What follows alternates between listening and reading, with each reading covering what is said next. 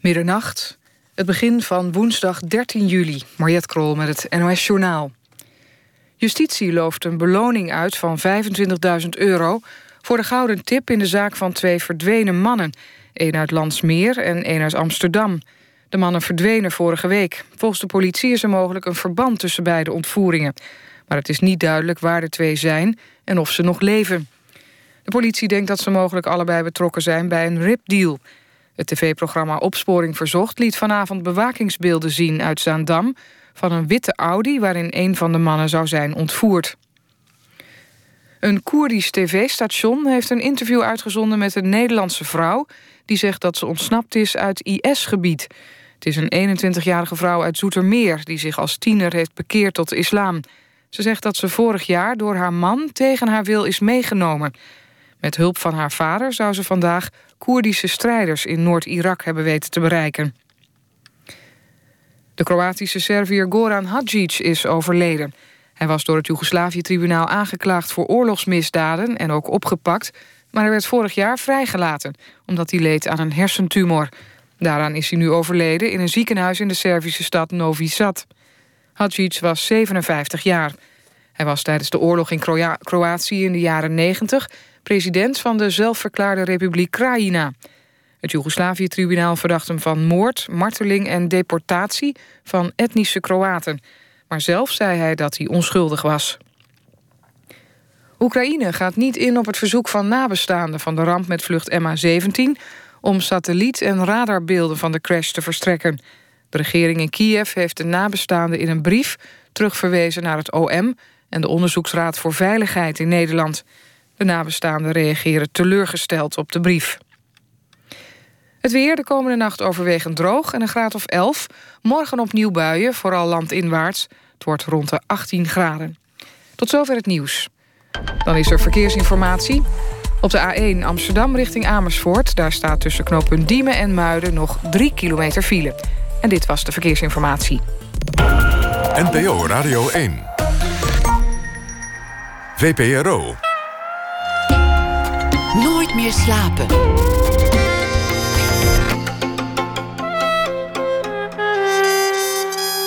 Met Pieter van der Wielen. Goedenacht en welkom bij Nooit meer slapen. Wat als je puberzoon mentaal nooit ouder wordt dan twee? Na ene aandacht voor een voorstelling, Who's Afraid of Charlie Stevens... die Romana Vrede heeft gemaakt over haar gehandicapte zoon Charlie. In de serie Moderne Bedevaart, schrijver Arjen Visser... die uh, in één dag op en neer is gereisd naar Berlijn... voor een piepklein schilderijtje. Een ware bedevaartoord dus. En uh, een aflevering ook uit de reeks Toendra... anonieme ontboezemingen uit de wereld van de prostitutie. Dat allemaal na ene. We beginnen met Karel Martens... een van Nederlands meest invloedrijke vormgevers. Hij wordt ook wel de godfather van het Nederlands ontwerp genoemd. Bekend vooral van zijn typografie, en dat is toch opmerkelijk. Een dyslectisch jongetje dat later zo beroemd zou worden... met letters, boeken, gevels en drukwerk. Geboren in 1939 in het noorden van Limburg. Hij bepaalde in de jaren 70 het gezicht van een uitgeverij. Sam werkte ook voor de PTT. Zijn telefoonkaart is nog altijd een collectors item, ook kan je er niks meer mee betalen. Hij heeft ook eh, als docent gewerkt in Arnhem, waar hij aan de wieg stond van de werkplaats typografie in Eindhoven. En nog altijd geeft hij les in New Haven, Connecticut aan de, de beroemde Yale Universiteit. Onlangs nog was hij in het nieuws vanwege een serie in het oog springende strandhuisjes in Le Mans in Normandië in Frankrijk. Karel Martens, hartelijk welkom dyslectisch en dan toch beroemd worden met, met letters. Dat, dat vind ik alweer zo wonderlijk. Hoe is het mogelijk? Een speling van het lot. Iemand die letters niet goed op, op, op een rij kan zetten, die, die daar in zijn jeugd mee geworsteld heeft, die er later zijn werk van maakt. Hoe kan het toch? Ja, dat heb ik mezelf ook vaak afgevraagd, maar ik heb uh, wel het gevoel dat het. Uh, het leven van toeval aan elkaar hangt. Dus dat je komt, zeg maar, uh, je komt toevallig in, een omgeving waarin letters een rol spelen. En uh, je raakt geïntrigeerd. En het, en, en het gebeurt zo. Het is niet zo. Ik, ik, kan niet duidelijk. Ik, ik, heb me er zelf ook over verbaasd. Al. Dus dat ik zei van nou, ik ben echt toch wel moeite met, met taal. Dat je dan, maar ook een bewondering daarvoor. Dus dat is altijd tijd een soort van. ik heb er geen verklaring voor. Het is zo gegaan. Maar misschien, misschien dat iets wat je moeite kost, je aandacht heeft. en daarom een grotere kans heeft om later je beroep te worden. Zou kunnen, ja. Letters zijn ook wonderlijke dingen. Dat je met, met 26 tekens alle voorwerpen, alle gedachten, alle namen, alle plaatsen uiteindelijk kunt vormen. Ja. Met, met- voor, voor sommigen heb je misschien een accent nodig, dus, dus je bent er niet helemaal, maar je komt toch echt een Nee, het is een wonderlijk, een wonderlijk systeem. Ja, ja, dat je, dat, ik, ik, ik- ik zeg vaak tegen studenten het onder. Hoeveel boeken zijn er in de wereld? Bibliotheken vol. En dat er is geen enkel boek, geen enkele regel gelijk. Het zijn allemaal, door, door zeg, die variatie van die letters, zijn, zijn het zeg maar allemaal andere. Tenzij het een quote is van, van een, een bepaald gezegde of zo. Maar verder is eigenlijk eh, geen enkele regel in, in, in, in welk boek dan ook, hoe dik of hoe dun, gelijk. Dat vind ik echt zo, zoiets. eh, Dus dat het een, ei- een oneindige hoeveelheid variaties heeft. Zeg maar, de, de combinatie van letters. Maar dat zeg maar één letter een woord zodanig kan veranderen dat het bijna het, eh, het tegenovergestelde betekent. Of een soort van. Dus de, de, de kracht van, van, van, van taal is echt een, een, een heel bijzonder iets toch. Tegenwoordig met WhatsApp gaan hele relaties stuk omdat iemand per ongeluk de verkeerde letter typt. Ja, En eh, dan, is het, dan is het uit. Kijk eens aan. Ja, ja, Het gebeurt. Ja. Geldt natuurlijk ook voor, voor meer dingen. Want de wiskunde ja. is nog absurder. Want je hebt tien cijfers. En, Ja. en die tien cijfers die, die leiden tot onnoemelijk veel mogelijkheden. Ja. En daar kun je uiteindelijk alle getallen mee maken. En, en de hele wereld mee beschrijven. En Ja. het hele universum mee verklaren. Ja, Als, ja. als, je, als het op een dag mee zit. Nog, nog Ja, veel cijfers eh, hebben voor mij ook een soort mysterieuze. eh, is ook een mysterieus gegeven. En Voor die telefoonkaarten met name heb ik ze gebruikt. eh, omdat toen ik die opdracht kreeg, werd er gevraagd om zeg maar zogenaamde neutrale telefoonkaart te maken. Dus dat mocht niet een bepaald onderwerp hebben. Er mocht geen eh, molentje opstaan of een Nederlands mo- motief of wat dan ook. Alleen, alleen een telefoonkaart. En toen moest ik meteen denken aan, aan, aan eh, ja, het, feit nu nog steeds met, met je iPhone, als je een, aantal, een hoeveelheid nummers intoetst, kom je in contact met iemand aan een ander eind van de wereld. En dat zijn voor mij ja, toch wonderlijke dingen. Dus ik dacht, nou, ik moet iets met die, met die cijfers doen. En dan krijg Daar je... gaat het over. De telefoonnummers, het bellen, dat, dat is, dat is een, een handeling van getallen. Ja, ja. Maar, maar iedere, iedere, iedere, iedere dag staat de, de krant vol eh, om, om, eh, eh, met stokmarktgegevens. Soort, soort, die cijfers, die hebben die, en magie. Ik bedoel, ons leven is ook verbonden met, met codes en met. met, met eh, dat is een hele wonderlijke, wonderlijke wereld. De wereld van, van de tekens. Een telefoonkaart, dat, ja, voor, voor de wat, wat jongere luisteraars, waar we er eh, zeer vele van hebben, is, Ja. is het een, een mysterieus iets dat we nu zeggen. Wat was een telefoonkaart? Nou, Opa. dat is, eh, zeg maar, dat is voor, de, voor, voor de mobiele telefoon. Dat mensen zeg maar, op het station, eh, eh, als de trein vertraagd was naar huis, moesten gaan bellen. Van, eh, nou, dat deed je door middel van een telefoonkaart. Dus een soort van. eh, met je, en die telefoonkaart had je in verschillende waarden. Een soort van. van eh, vijf gulden. En het was een gulden tijdperk van 10 gulden, 25 gulden. Daar kon je dus meer mee bellen. Eh, buitenlandse arbeiders hier, die hadden er vaak in van 50. hè, Dus konden ze nog flink veel om. eh, maar dat is nu allemaal verdwenen. Een soort van, ja, een soort... eh, Daarvoor was het het kwartje dat je in de telefooncel moest inwerpen. ja, en dan ja, bleef, je maar, bleef Ja. je maar gooien. Toen kwam de telefoonkaart. Een prachtig ontwerp. Mensen die zoeken er nog naar. Ze worden nog verzameld oh, vanwege het ontwerp. En je ziet ze ook af en toe nog. Heel soms zie je op archiefbeelden of in een oude film zie je die telefoonkaart toch nog wapperen. Ja, ja het komt. eh, zelfs, zelfs het, is wel heel merkwaardig dat zelfs een stukje ervan afgebroken. Op eh, soms op de straat vroeger zag je die cijfertjes, die, die kleurrijke cijfertjes in. Dus een van, een van de opdrachten die, die mij heel veel plezier gedaan heeft. Ook, ook, ook, ook, ook de naplezier en, het, hele, het, hele, het hele proces. Het was echt een eh, ja, hele bijzondere opdracht. Ja. Laten we beginnen bij het begin. De dyslexie, waar kwam die aan het licht? Waar, waar ben je naar school gegaan? Nou, die is eigenlijk. eh, ik- ik- dat is een beetje een probleem. want De school was voor mij echt een, een, een, een, een, hel. Dus in die zin van dat ik altijd. eh, en er werd verondersteld dat ik het opzettelijk deed. Dus ik had kennelijk ook een soort mechanisme ontwikkeld. waardoor ik dat probeerde te, te, te camoufleren. Of te, ik werd met een Nederlandse les op de middelbare school regelmatig eh, op de gang gezet. Van, dacht, de, docent dacht dat ik, dat ik voor de gek hield of zo. Een soort van, maar het is echt een heel eh, groot probleem. En in die tijd was het nog niet zo'n item. Nu is het zelfs eh, ja, een pre. Om dyslectisch te zijn krijg ik soms wel het idee. Dat studenten bepaalde privileges krijgen omdat ze Aangepaste lesstof Ja. of meer tijd bij examens en, en dat, dat soort dingen, dat was toen niet. Maar ik zie echt nog eh, mij op de lagere school de onderwijzer voor me staan met zijn vinger zo van... Jij, oh die domme jongen. Een soort van, nou ja, dan krijg je wel wat mee in je leven. Een soort van, eh, dus altijd heeft me, heeft me achtervolgd. Dus, maar op het moment dat ik op de academie kwam, was dat over. Dus dan ging het over andere dingen. Maar jij, oliedomme jongen, daar, daar spreekt niet veel vertrouwen uit vanuit Nee, het eh, onderwijzend personeel. Nee, Wat was dat ehm, in Limburg en dan de, de jaren 50? Ja, Zat je bij de paters? Nee, nee, nee. nee ik was in, in Nijmegen. eh, op, eh, zat ik op school. Dus ik fietste in, iedere dag van, van de Molenhoek, woonden in de Molenhoek, naar Nijmegen, naar de, naar de lagere school. Ja. En, en dan de, de, de betreffende leraar, we noemen hem de struisvogel, die had zo'n zo'n zo'n eh, fiets met een eitje erop. Zo, zo'n zo'n zo'n Berini. eh, bromfiets. En we noemen hem altijd het eitje. En die, eh, dus hij werd ook door, de, door, door mijn vrienden niet serieus genomen, die man. Dus in die zin was het ook weer niet zo erg. Hoor. Het was zelfs ook wel weer stoer om door hem oliedom genoemd te worden. Dus in die zin... eh, Statusverhogend, viel- want je, je wist van wie het kwam. ja, Maar je, maar je was niet zo goed in, in het leren. Mensen dachten dat je, dat je de boel aan het saboteren was. Maar had je, had je wel een idee toen van, van wat je vak zou kunnen worden? Nou, omdat ik dus. Ik, ik, ik was erg goed in, in wiskunde. Dus ik had eigenlijk een gevoel voor, voor, eh, voor, voor, voor, voor, getallen. Dus een soort van. En, maar ik denk dat, zoals het vaak gaat op de middelbare school. Ik was goed in tekenen en, en, en wiskunde. Voor de rest was het echt kloten. Het gewoon echt niet. eh, en dan ga je daar een zekere liefde voor, voor ontwikkelen. Maar die wiskundeleraar was ook een hele bijzondere man. Echt, eh, je zou zeggen, een wiskundeleraar zijn mensen die heel exact en heel erg. Maar dit was juist een hele poëtische man.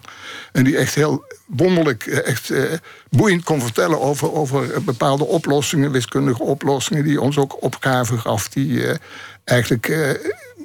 Niet, eh, waar, de logica zoek was of zo, snap je? Dus een soort van. dat je op een hele andere manier naar dingen gaat kijken. Het, het relativeren van dingen. Dat, dat heeft- heb ik eigenlijk van die man. Was zo. Dus ik denk, god, het lijkt me wel mooi. Wiskunde studeren. Dat is een soort van. eh, maar ja, dat zat er natuurlijk niet in. Want daar moet je uiteindelijk ook... ook nou ja, dan, dan ben je wel van de letters verlost... maar nog niet van de dyslexie. Ja, precies. Die ja. komt dan in een andere gedaante weer terug. Ja, ja, precies. Ja. Het is ook een poëtisch vak trouwens, wiskunde. Je, je zei van hij was wiskundige, maar toch een poëtische man. Maar eigenlijk is wiskunde natuurlijk een Ja, heel poëtisch tuurlijk. vak. Ja, is ook zo. Ja. Maar het wordt altijd exact, exacte vakken worden vaak gezien als, als, als, als, als saai of vervelend. Maar het is juist. eh, nou ja, in ieder geval, die man was echt voor mij. een- een, eh, en ook die tekenleraar natuurlijk. Dus waar je, waar je succes in hebt, daar, daar voel je je verwant mee. Maar toen ik later op de academie kwam, toen maakte ik ineens mee dat, ik dus, eh, dat, dat mensen in me gingen geloven. Dat een docent echt kwaliteit in je ziet. En, en, en, je helpt bij, bij eh, dat te ontwikkelen. En dat is natuurlijk een hele mooie. Dat heeft me zelfs gevormd. Nu, ik, ik heb zelf nu al toch een hele tijd eh, lesgegeven. En ik denk dat dat wel heel bepalend geweest is. Het feit dat ik destijds die docent die ik dus tegenkwam op de academie. Eh Adam Roskamp en, en Henk Peters waren docenten van mij. En die, eh, ja, ging een wereld voor me open. Een soort van, van eh, echt fantastisch. Ja. Maar wiskunde en tekenen waren de vakken. Nou ja, wiskunde, daar- liep je dan toch in vast. Dus dan bleef tekenen over. Ja. Ging, ging het zo eenvoudig? Of was er nog iets anders dat jou uiteindelijk naar de academie trok? Nou ja, dingen, dingen maken, sowieso. Dus zin, mijn zusje zat in die tijd op de, op de academie. En ik, ik had na, na, na vier jaar, drie jaar middelbare school. En er moest dus iets gebeuren. En toen op een gegeven moment zei ze... God, waarom kom je ook niet naar? Nou, dat is ontzettend leuk, die academie. Een soort van... eh, en ik had als, eh, ik maakte tekeningen, maar ik ook wel eh, eh, een lampontworp over gemaakt of elkaar geknutseld. Dus ik denk, nou, laat maar proberen. Dus eh, er bleef weinig over. Dus ik naar, de, naar die academie. En vandaar, ja, vanaf dat moment was het voor mij, eh, ja, er ging een, een wereld open. Echt eh, ongelooflijk. Ja. Een kleine pitstop nog in het leger, heb ik begrepen. Wat, een kleine? Een pitstop in het leger. je moest, je moest ja, nog in dienst. Het, ja, ja, dat was in die tijd was dat ook aan de orde, ja. Maar goed, dat is een anderhalf jaar van je leven die je nooit meer terugkrijgt. En, Ja. en daarna naar die academie.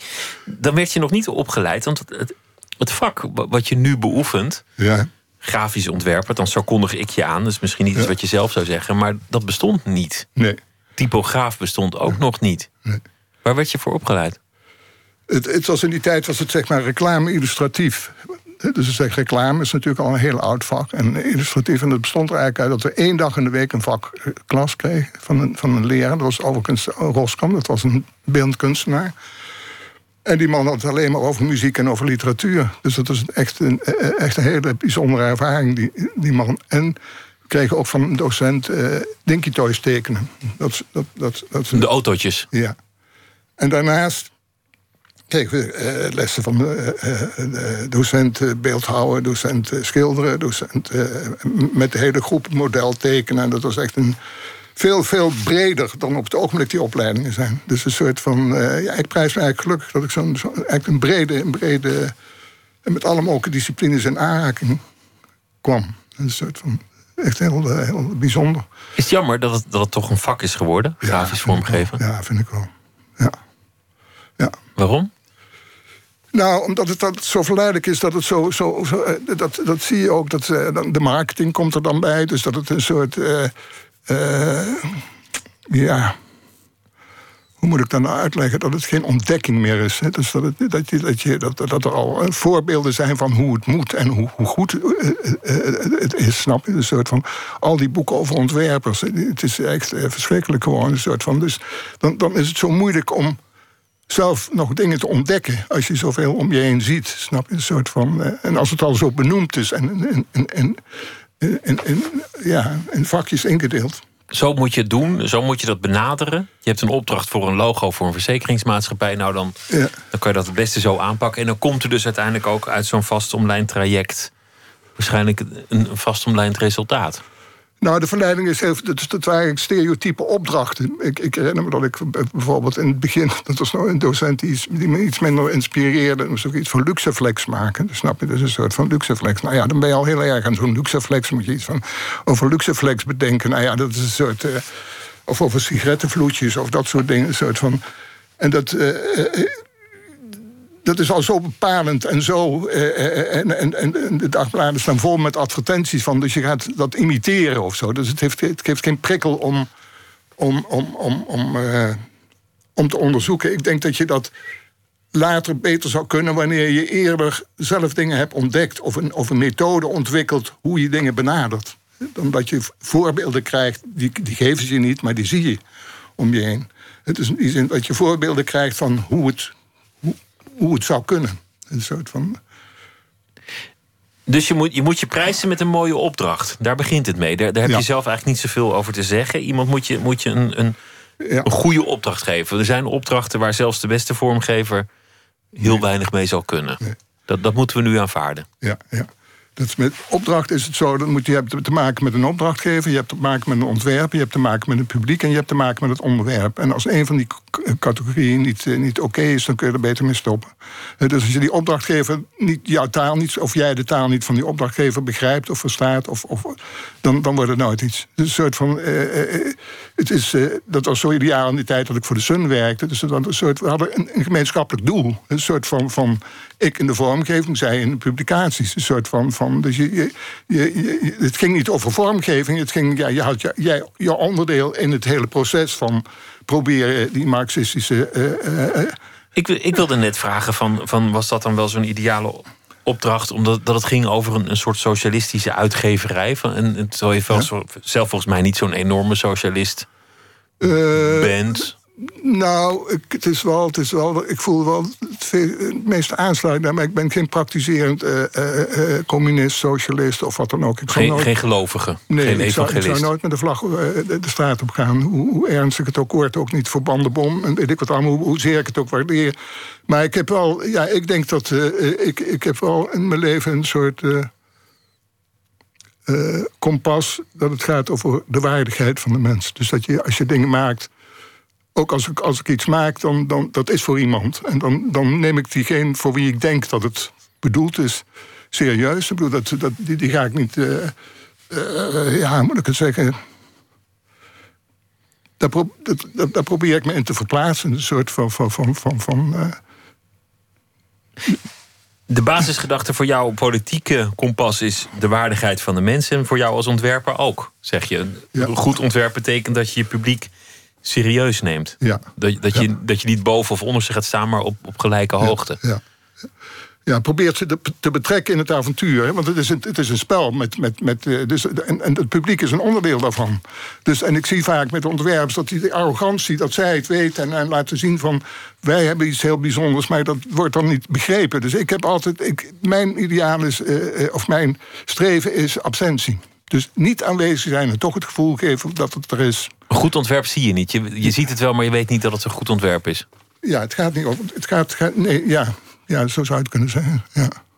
In, in iets meer in beeldspraak van, van de typografie zou je dan zeggen... als je een boek leest, dan wil je niet steeds aan het lettertype denken. Precies, ja. En niet wat die ontwerper weer zo leuk bedacht heeft van een, een, een exclusief papiertje en een, en, en, en, een speciale uh, uh, paginacijfer, want dat is inferieur. Bedoel, in die zin van het, gaat erom dat iemand, of, of zulke lange regels, uh, snap je? Dus er zijn gewoon bepaalde wetmatigheden die je daarin respecteert, vind ik. Tenzij je een bedoeling hebt om daar mee te breken. Het is een soort van, ja, dan moet je natuurlijk anders doen. En waarom was Sun dan zo'n ideale opdrachtgever? Waarom is dat de perfecte opdracht? Een, een socialistische uitgeverij die het marxisme aan de man wil brengen? Nou, niet dat het met de, de betrokkenheid, dus dat heb ik niet alleen met de Sun meegemaakt, maar ik heb wel een aantal andere opdrachtgevers meegemaakt. Uh, ik heb voor Peter van Linden ook gewerkt, die, die werkte voor Albert Heijn, maakte die boeken en soort. Maar die jongen die was zo bevlogen met zijn werk dat je, dat je samen het gevoel hebt dat je aan iets werkt. Snap je? Dus het is een soort. En dat had ik dus bij.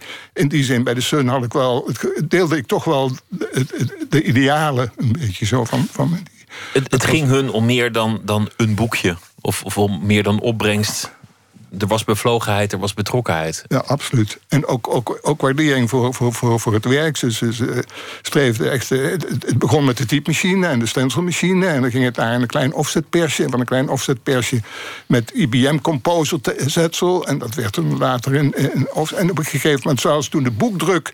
Uh, techniek van, van met, met losse lettertjes zetten hebben zij nog een, een, tijd lang boeken uitgegeven die zeg maar echt het ambacht van, van, van het drukken uh, uh, weerspiegelden. Goed gebonden, goed, goed ja, echt, echt moet zeggen dat ik daar heel erg veel respect voor had. En mij de kans gaf om daarin in, in, in, in te groeien of in mee te gaan. En ook een, ook een letter die je kunt zien liggen als je vanaf de zijkant naar de bladzij kijkt. dat, er een, dat er een soort diepte in zit. Dat een echt, echt een mooie druk. Het wonderlijke van ontwerpen vind ik dat, dat sommige ontwerpen tijdloos zijn. Die zijn na 60 jaar nog net zo krachtig, nog net zo aanwezig. En bij anderen denk je meteen: oh ja, dat was toen. Ach ja, zo ging dat in die tijd. Die telefoonkaart die bestaat al lang niet meer, maar het ontwerp is nog springlevend. Om maar zo te noemen. Nou, dankjewel. Maar, ja. Nou ja, het is, het is, niet alleen iets dat ik zeg, maar die, die dingen worden verhandeld. Waar ligt het aan? Wat maakt een ontwerp tijdloos? Is, is dat te doorgronden? Het is natuurlijk toch tijdgebonden op een of andere manier. Het, het, het weerspiegelt ook eh, de techniek van die tijd. En de, en, en, en de, ja, ik, ik, ik hecht, uh, dat is ook wel een vaag begrip, maar aan authenticiteit. Dus dat je probeert een, een, een oorspronkelijk. Uh, wat vaak heel lastig is, maar dat de authenticiteit wel iets is wat blijvender is dan iets modieus maken of iets maken van, nou, dat zal wel verkopen. Of dat, dus dat je de norm buiten jezelf legt. Dus van, van uh, ja, het moet de markt op en de markt die moet het eh, dus. En daar zijn bepaalde uh, wetten voor en die, die pas je dan toe. En ik denk, ik geloof dus meer dat, dat dingen die, waar je persoonlijk verantwoordelijk voor maakt, dat die langer leven hebben. Je bent persoonlijk verantwoordelijk. Je maakt het niet om aan andere wetten te voldoen, maar je bent wel als ontwerper afwezig. Je moet niet tussen het, het ding, het, product en de consument in gaan staan, tussen de lezer en het boek. Ja. Je, je hebt het eigenlijk dan over een soort essentie waar je naar op zoek bent. Ja, maar zijn we dat niet allemaal? Dus een soort van, denk je, van, eh, eh, wat, wat, wat, waar gaat het om? En dat is eigenlijk ook het intrigerende, dat houdt je ook bezig. Dus dat je de volgende keer denkt van, nou, misschien kom ik nou iets dicht, dichterbij. Ik ben zo langzamerhand wel achter dat, het, dat ik er nooit echt bij zal komen. Maar het is toch, ja, een, een, soort... Uh, wel een verlangen, ja. Naar, denken van, van hoe, hoe zou het nou... Uh, hoe zou je het voor elkaar kunnen krijgen? Heel wiskundig. Bij wiskunde kan je dat ook doen. Kan je ook steeds verder ontleden tot je, tot je bij een oergetal komt of, of, of liefst een cijfer. Ja. Die lol die kan ik me wel voorstellen. Dus dat je daar, dat je daar denkt van, en daar hebben we de sleutel voor. Naast ontwerp is volstrekt onbelangrijk in, in, in vergelijking met, met uh, wat er op dat gebied gebeurt. Maar het is wel intrigerend, ja. In ontwerpen geldt het daar ook gewoon, gewoon strippen. Gewoon steeds meer wegslopen uit je gedachten. Ja. Tot, tot je bij die oerkern ja. komt. Ja bij, bij het getal pi of bij uh, ja, nou ja, wat, wat je ontwerp dan ook is. Alles wat overbodig is, weg, weg ja, wat je zegt, strippen.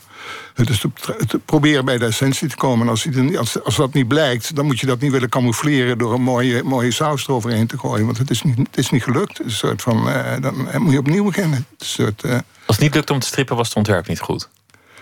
Nou, als je door, door strippen er niks meer overblijft. Hè, snap je? Dus dat je... Soms zijn... Ja, een ontwerpproces is iets merkwaardigs. Iets merkwaardigs. Je begint op een gegeven moment. De, de, de, de, opdracht is de aanleiding. Ik vind het overigens heel vervelend om opdrachten te krijgen. Maar op het moment dat ik er mee, mee, mee bezig ben, dan zie ik het als mijn, mijn probleem. En dan wordt het ineens weer leuk. Dus snap je, een soort van. Maar het, het geheim zit, of de oplossing zit in die opdracht. Het is een vraag. En die vraag, die, het antwoord op die vraag zit in die vraag. Het is een soort van. Eh, nou, dat proberen dus uit, uit, uit, uit, te klungelen. Maar dan op een gegeven moment. Uh, zit je op een verkeerd spoor of een soort. soort uh, en probeer je weer uh, tot de essentie te komen. En dan, maar dan tussentijds heb je wel een paar uh, bijzonderheden ontdekt. En die moet je eigenlijk weggooien. En dat is eigenlijk het moeilijkste. Want dan, die horen bij de, vorige gedachte. Een nieuwe gedachte moet weer op een snap je? Dus het is een soort, een soort ja, tocht. Ja, geklooi kan je het ook noemen. Ja, gelummel. Ja, eindeloos ge, gelummel om, om uiteindelijk hopelijk ergens te komen. Nou, gelummel gaat niet zo ver, maar het is wel inderdaad. Uh, Oké. Nou ja, een zoektocht. Ja, zoektocht. We gaan luisteren naar uh, Agnes Obel, een Deense zangeres. En uh, ze, ze, heeft een nieuw nummer. En daar gaan we naar luisteren. Een single. En dat heet Familiar.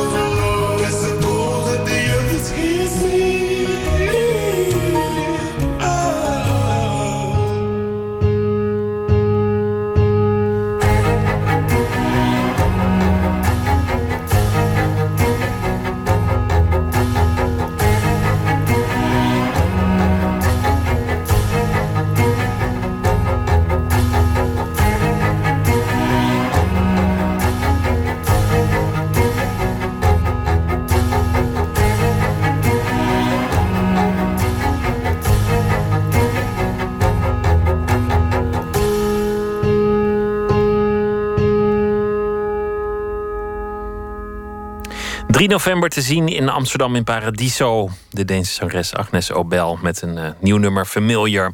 Nooit meer slapen in gesprek met Karel Martens. We hebben het al gehad over een, een aantal dingen. Over ontwerpen, terugkomen tot de essentie. Je zei dat dat fascineerde in de taal. Je hebt, je hebt 26 letters, maar die maken alle woorden, alle zinnen, alle begrippen in alle boeken van de wereld. Bibliotheken vol, allemaal gebaseerd op uiteindelijk 26 tekens. De wiskunde geldt een beetje hetzelfde. De kleuren hebben we het nog niet over gehad. Maar dat, daar heb je natuurlijk ook de primaire kleuren. Dat zijn er ook, maar wat is het? Drie? Drie, ja. ja. En, en daar maak je uiteindelijk al die schakeringen van. Ja. Ja, voor mij, ja, voor mij zijn binnen de ontwerpen uh, uh, zijn voor mij referenties aan archetypische dingen altijd heel, heel essentieel. Van dat, je, dat je op een gegeven moment. En zo is kleur, als je een tijdschrift openmaakt. Dat is eigenlijk maar in drie kleuren gedrukt. En dat is nog zwart overeen om, om, het, om het wat rijker te maken. Maar in principe kun je met de drie primaire kleuren kun je alle kleuren van de wereld maken. Nou, dat vind, ik, dat vind ik echt een mysterie. Dus in die zin van, dus dat is voor mij dan het uitgangspunt. Dus ik altijd die drie kleuren, behalve wanneer er een aanleiding is om het juist niet te doen. Snap je? Dus een soort van. En zo zijn er veel. Met letters heb ik dat ook. Ik bedoel, een letter moet zwart zijn voor mij.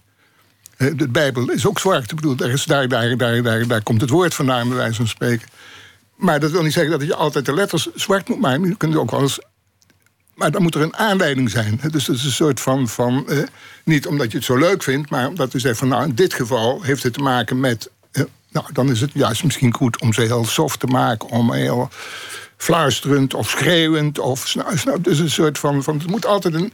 Maar voor mij is altijd een soort eikpunt, de archetypische archetypen die waar wij zeg maar, mee omringd. Een huis is eigenlijk een ding met een dakje en zoals een kind een huis tekent. Dat wil niet zeggen dat een huis er altijd zo moet uitzien, maar daar, daar komt het wel vandaan. Dus daar begin je? Daar begin je, ja. Daar begint het denken. Grappig dat je de Bijbel noemt. Ja. Ik weet bij God niet waarom, waarom de Bijbel zwarte letters heeft. Of dat, of dat ergens staat dat dat moet.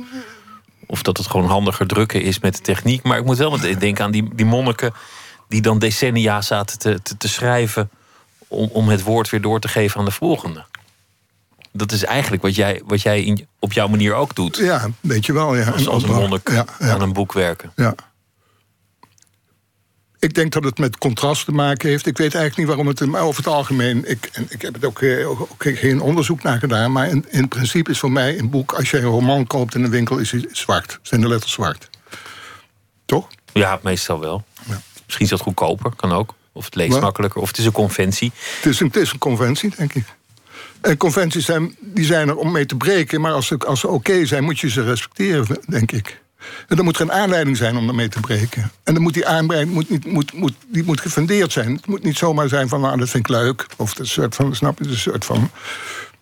Dus ik vind dat het... Uh, als je een andere letter een andere kleur hebt, dan, dan, dan, werk je met onderscheid. Dus met hiërarchie, typografie en dat is heel, heel sterk verbonden aan hiërarchie. Hoe een pagina is opgebouwd, hoe, hoe, hoe, een, eh, ja, hoe tekst wordt, uh, wordt, wordt, wordt gepresenteerd. Dat is hiërarchisch. Uh, maar hoe kun je een hiërarchie creëren met letters? Dat, dat kan met, met grote letters, met kleine letters. Je kunt het, zoals Wim Krauwel het altijd deed, met één letter. één letter grootte, één letter transport, één letter, snap je? Dus zo, maar door de plaats op de pagina bepalen... dit is belangrijk, dat is minder belangrijk. Is een soort van dat zijn, dat zijn uh, erg spannende dingen. Dan heb je het ook meteen over, over techniek. Je noemde net al de, de oude drukkunst. Hoe, hoe, mooi je dat vindt, het echte ambachtelijke drukken. De computer heeft natuurlijk zeker in, in, in de wereld van het ontwerpen de boel enorm overgenomen. Heb, je, heb jij nog een voorliefde voor, voor die oude technieken? Voor, voor het ambacht? Ja, het oude drukken? Ik heb er uh, ongelooflijk veel waardering voor en respect, maar het zegt me verder helemaal niet zoveel meer. Dus in die zin van, uh, dat is geweest. En ik, ik, ik denk niet dat je dingen moet idealiseren die, die, die, die geweest zijn. Dus we moeten vooruit. Dus in die zin van. Uh... Maar je hebt het wel allemaal gedaan met, met lood zetten en, ja, en, uh, ja. en inkt gieten en weet ik wat je ja, allemaal deed. Ja, ja. Maar die computer geeft ook weer nieuwe mogelijkheden. En die, die eigenlijk fascinerend zijn. Dus in die zin, ik zal ze niet. Ik heb ze niet uitgevonden en ik zal niet de propagandist propaganda maken voor zijn. Maar het is, als het gegeven is het een, e- echt een ongelooflijke. Je, wij leven erin, maar je staat er niet bij stil wat dit, wat, hoe dit deze wereld veranderd heeft. Die, die, die, eh, die computer. Daar ben ik echt van overtuigd. Dat het een soort van. Uh, Zoiets als de boekdrukkunst in de 16e eeuw. Zo is ons leven veranderd. Maar we zitten er middenin, dus, dus misschien hebben we het niet altijd door. Ja, precies. Dat denk ik wel. Jij geeft les al, al decennia lang op verschillende plekken. Ik, ik noemde al Yale, maar je hebt ook in, in Eindhoven, uh, Maastricht geloof ik. Ja. Arnhem heb je allemaal lesgegeven. Iets, iets dat heel veel tijd opslokt en heel veel passie is erin gaan zitten. Ja. waarom vond je dat zo, zo fijn om te doen? Om, om mensen te onderwijzen? heel prachtig. Maar ik ben, ik ben destijds gevraagd door Jan Vermeulen. Ik ben in Arnhem begonnen met lesgeven. Jan Vermeulen. Uh, die vroeg mij, die was onderdirecteur van de, en die vroeg mij of ik les wilde komen geven in de drukkerij van de, van, eh, de academie in Arnhem. En ja, je moet het ontwerpen. En in die tijd maakte ik veel boeken, maar dat is echt. In het Nederlandse taalgebied is vrij klein. Dat is echt geen, eh, geen vetpot. Dus ik had inmiddels drie kinderen. Ja, je moet ook een soort van. Dus ik denk van, goh, lesgeven. Dat is, maar ik vond het ook wel fascinerend. En ik moet zeggen dat ik on, ongelooflijk veel. Als voorbeeld mijn eigen leermeester heb gehad. Die zeg maar ik denk dat lesgeven heel veel te maken heeft met vertrouwen, oprecht vertrouwen in, in, in, in, in studenten en ontwikkeling van, van. En dat iedereen een eigen manier heeft om. Je kunt, je kunt dat niet generaliseren. Daarom is het ministerie van Onderwijs zo waanzinnig stupid. Dus dat ze daar als een soort eh, eh, van bovenaf een aantal soort wetmatigheden, eh, of eigenlijk remmend werken ten aanzien van de ontwikkeling. Van, van, van, van, van, Omdat elke leerling in een mal moet passen. Ja, precies. Ja. En dat heeft misschien te maken ook met mijn ervaring dat ik als op de middelbare school dat ik voor dom werd gehouden, terwijl ik toch het gevoel had dat ik er nog wel aardig met mijn vriendjes overweg kon. Snap je? Dus maar nooit, nooit die neiging gehad om, om, om tegen een van je eigen studenten te zeggen: van, van wat ben je toch een oliedomme jongen. Nee, maar ik, wel, ik probeer wel zo eerlijk mogelijk te zijn. Ik heb wel vaak gehad, ik, dus, ik vraag me wel af of dit jou, wel jouw goede weg is. Dus of je hier wel op je plek bent. Een soort van, van, van uh, of je niet... Uh, dus, maar dat moet je dan wel onderbouwen aan de hand van, van, van, van de resultaten, van dingen die die laat zien. Dus dat je, ik vind dat, oh, je moet, tegen, tegen de student moet je eerlijk zijn. Dat moet je niet een soort schijn op, eh, of een soort van. En wat tegenwoordig gebeurt, omwille van het getal, moeten ze overgaan. En dan krijgen ze toch het gevoel: oh, dat gaat wel oké. Maar ik, ik, vind dat je eigenlijk moet zeggen: ik gebruik die tijd. Maar geen enkele tijd is, is verspild. Dus wat, wat zo'n jongen geleerd heeft op die academie, zelfs het feit dat je met je kop ergens tegenaan loopt, dat zijn de mooiste ervaringen. Dus in die zin moet je, die, die moet je niet zien als negatief, vind ik. Dan moet je eigenlijk ook niet al te veel stilstaan bij waar je uitkomt. Als je zo wil leven. Ja. Als je, als je het ziet dat, dat je kopstoten uiteindelijk nuttig is, dan, dan weet je ook niet waar je naar op weg bent. Ja, precies. precies. Dus fouten maken is eigenlijk.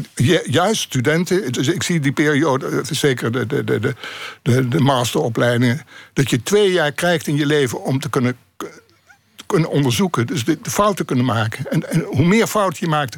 Bij, bij mij zelfs komen vaak dus, zeg maar, de vergissingen die je maakt die komen, daar, komen dingen uit voort. Dus dat je op een gegeven moment de verkeerde knop op de computer aan... en dan, dan komt er iets op je beeldscherm. Wauw, hoe is dat nou godsvrees mogelijk? Snap je? Dus een soort fouten maken is iets... iets, iets eh, is, uh, je opnieuw oriënteren en je opnieuw... Uh, ik denk dat dat heel, heel goed is.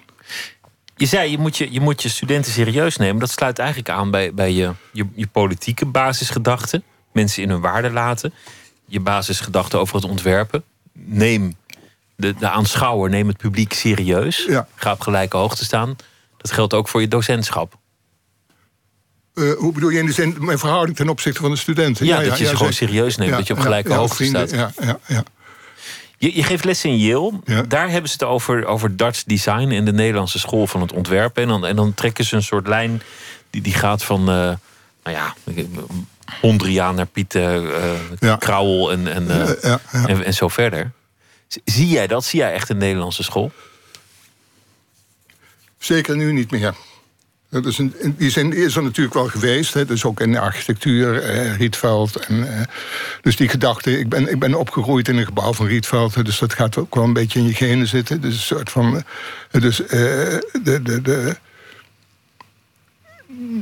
ja, het, zichtbaar maken van, van hoe je dingen doet. Het, het, het niet camoufleren, maar juist uh, laten zien. Dus dat zijn, zijn wel. Maar dat. De wereld is zo dadelijk veranderd. Wat, wat, wat geldig was 20 jaar geleden, is niet meer geldig nu. Snap je? Dus het nu, die studenten in Yale, er zitten mensen van de Rietveld in Amsterdam, die studeren in Yale. Er zijn studenten uit, uit, over de hele wereld, ook op de werkplaats typografie hadden mensen. Er was maar één een, Nederlandse student op een gegeven moment. Er allemaal van, vanuit eh, Japan, China, eh, Tokio, Frankrijk, België, Duitsland. En juist die mix dat, is, dat, dat wordt een nieuwe wereld. Ik bedoel, snap je? Dus het, is, het moet niet. Dutch design moet. Onzin. Dus ik. Uh, wat, wat Swedish design is, is nu weer heel erg hip. En dat heiligt toch dezelfde basisprincipes. Een zekere soberheid. En, en... Ja.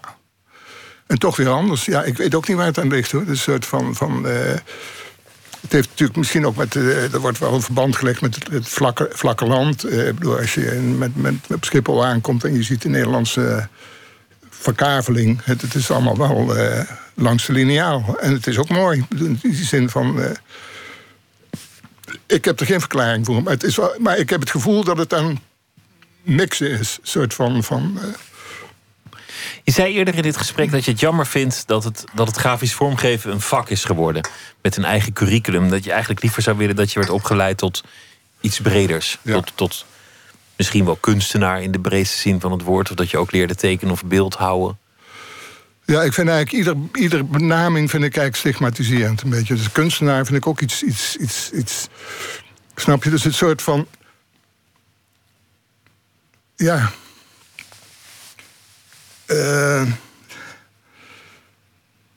het, het, gaat, het gaat, het, het, op het moment dat iets wordt, wordt, wordt op hoog getild, uh, wordt het, uh, krijgt het iets sacraals en ook iets, iets mythisch en iets. Snap, dus een soort van. En dat, dat, dat is meteen ook dodend. Dus van de ene kant. ja, ik, ik, kan het heel lastig uitleggen, maar het gevoel heb ik wel dat het. Als je te veel op een podium hijst, dan, dan, dan is de lol er ook vanaf, dan is de energie weg.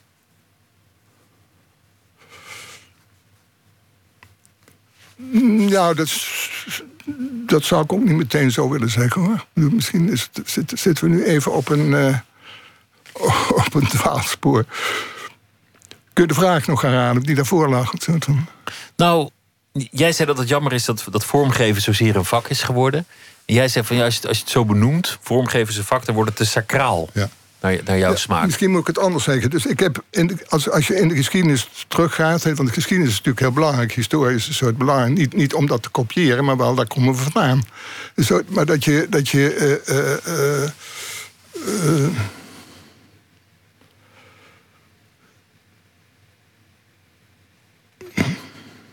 nog eens. We zijn even aan het zoeken. Laten we, laten we gaan luisteren naar, naar Love. En dan, dan zo meteen de draad oppakken van waar we vandaan kwamen in, uh, in de geschiedenis van het vormgeven. 1966, 50 jaar geleden, verscheen een album dat legendarisch zou worden van de band Love. En daarvan gaan we luisteren Orange Skies.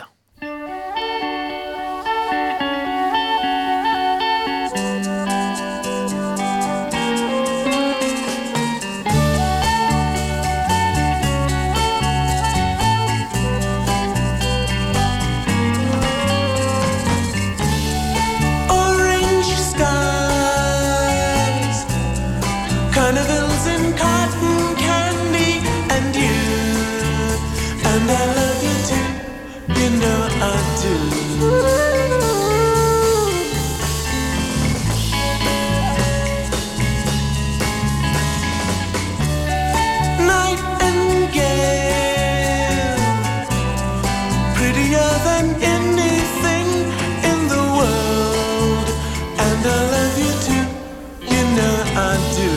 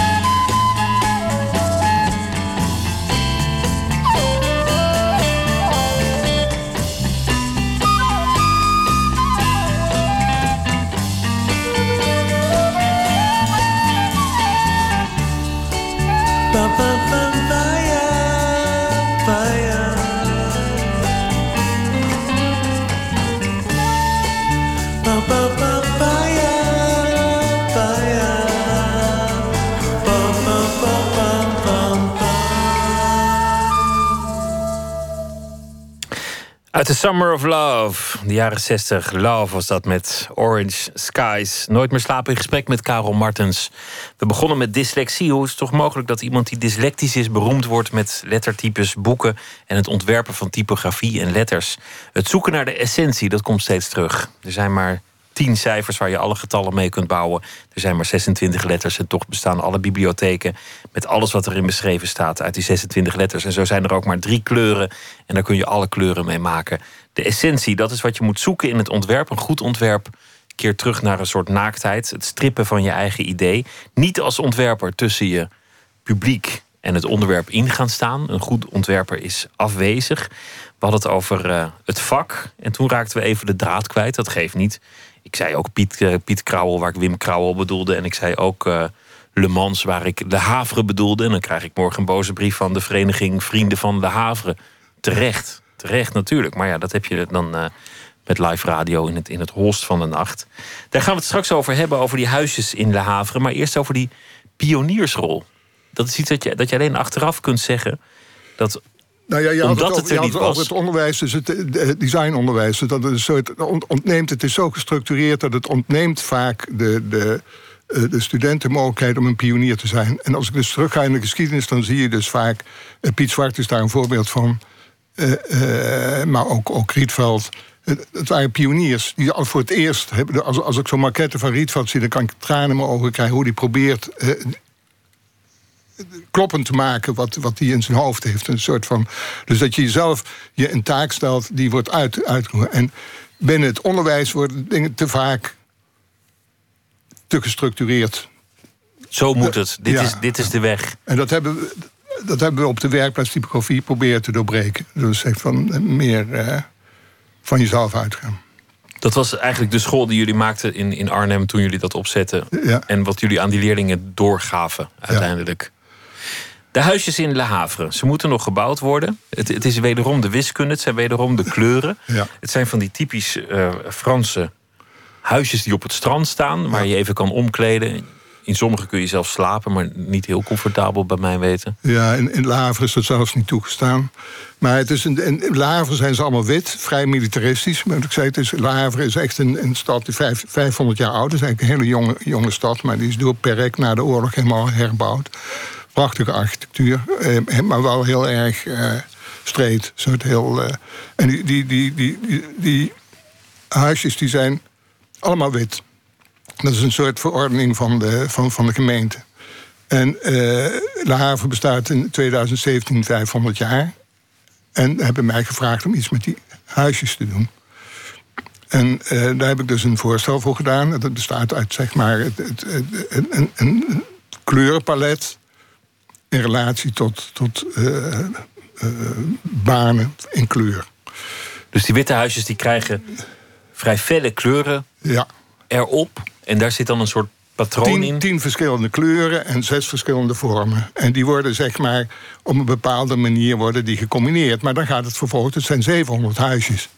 En niet iedereen doet eraan mee, dus je moet een soort plan bedenken... dat ook de juist niet gedecoreerde huisjes deel uitmaken van het hele panorama. Dat was ook een uitgangspunt. Dus er zijn nu zeg maar 60, 70 procent van de, van de, de gebruikers of de owners van de, de, de eigenaren van die doen mee aan het programma. Anders zeg ik, ik, ik voel er helemaal niet voor. Ik wil het liever wit laten. Nou, ook prima. Ik, bedoel, ik, ik, wil geen dictator zijn. Die zegt, iedereen moet eraan meedoen.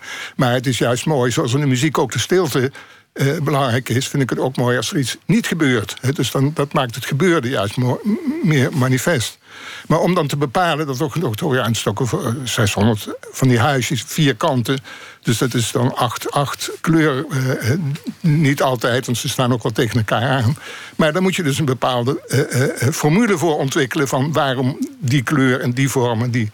En dan ben ik dus zeg maar in contact gekomen met, de, met de wiskundefaculteit van de Universiteit van de Haven. En die mensen die hebben ja, echt fantastische samenwerking. Ontzettend leuk. Die hebben dus zeg maar de decreet van Frans, François I als uitgangspunt genomen om tot een kleurcombinatie reeks te komen van die eigenlijk alle 700 huisjes. Behalve de mensen die het niet willen, daar zie je dus niet. Bij die anderen zie je het wel. Dus een soort van, van. En dat is echt een fascinerend proces. Een soort van. Uh, en daar heb ik dus zeg maar limitaties aangegeven. Een soort van. En dat uh, gaat dus nu. Uh, in 2017 gebeuren. Maar volgens wiskundige principes ook nog. Dus, ja. dus je wil dan ook een soort formule, een soort Fibonacci-reeks of, of wat dan ook. Nou, die, die, die Fibonacci-reeks, die, die, die banen die zijn dus voor opgebouwd via een Fibonacci-reeks. Dan krijg je dus zeg maar toch wel een soort.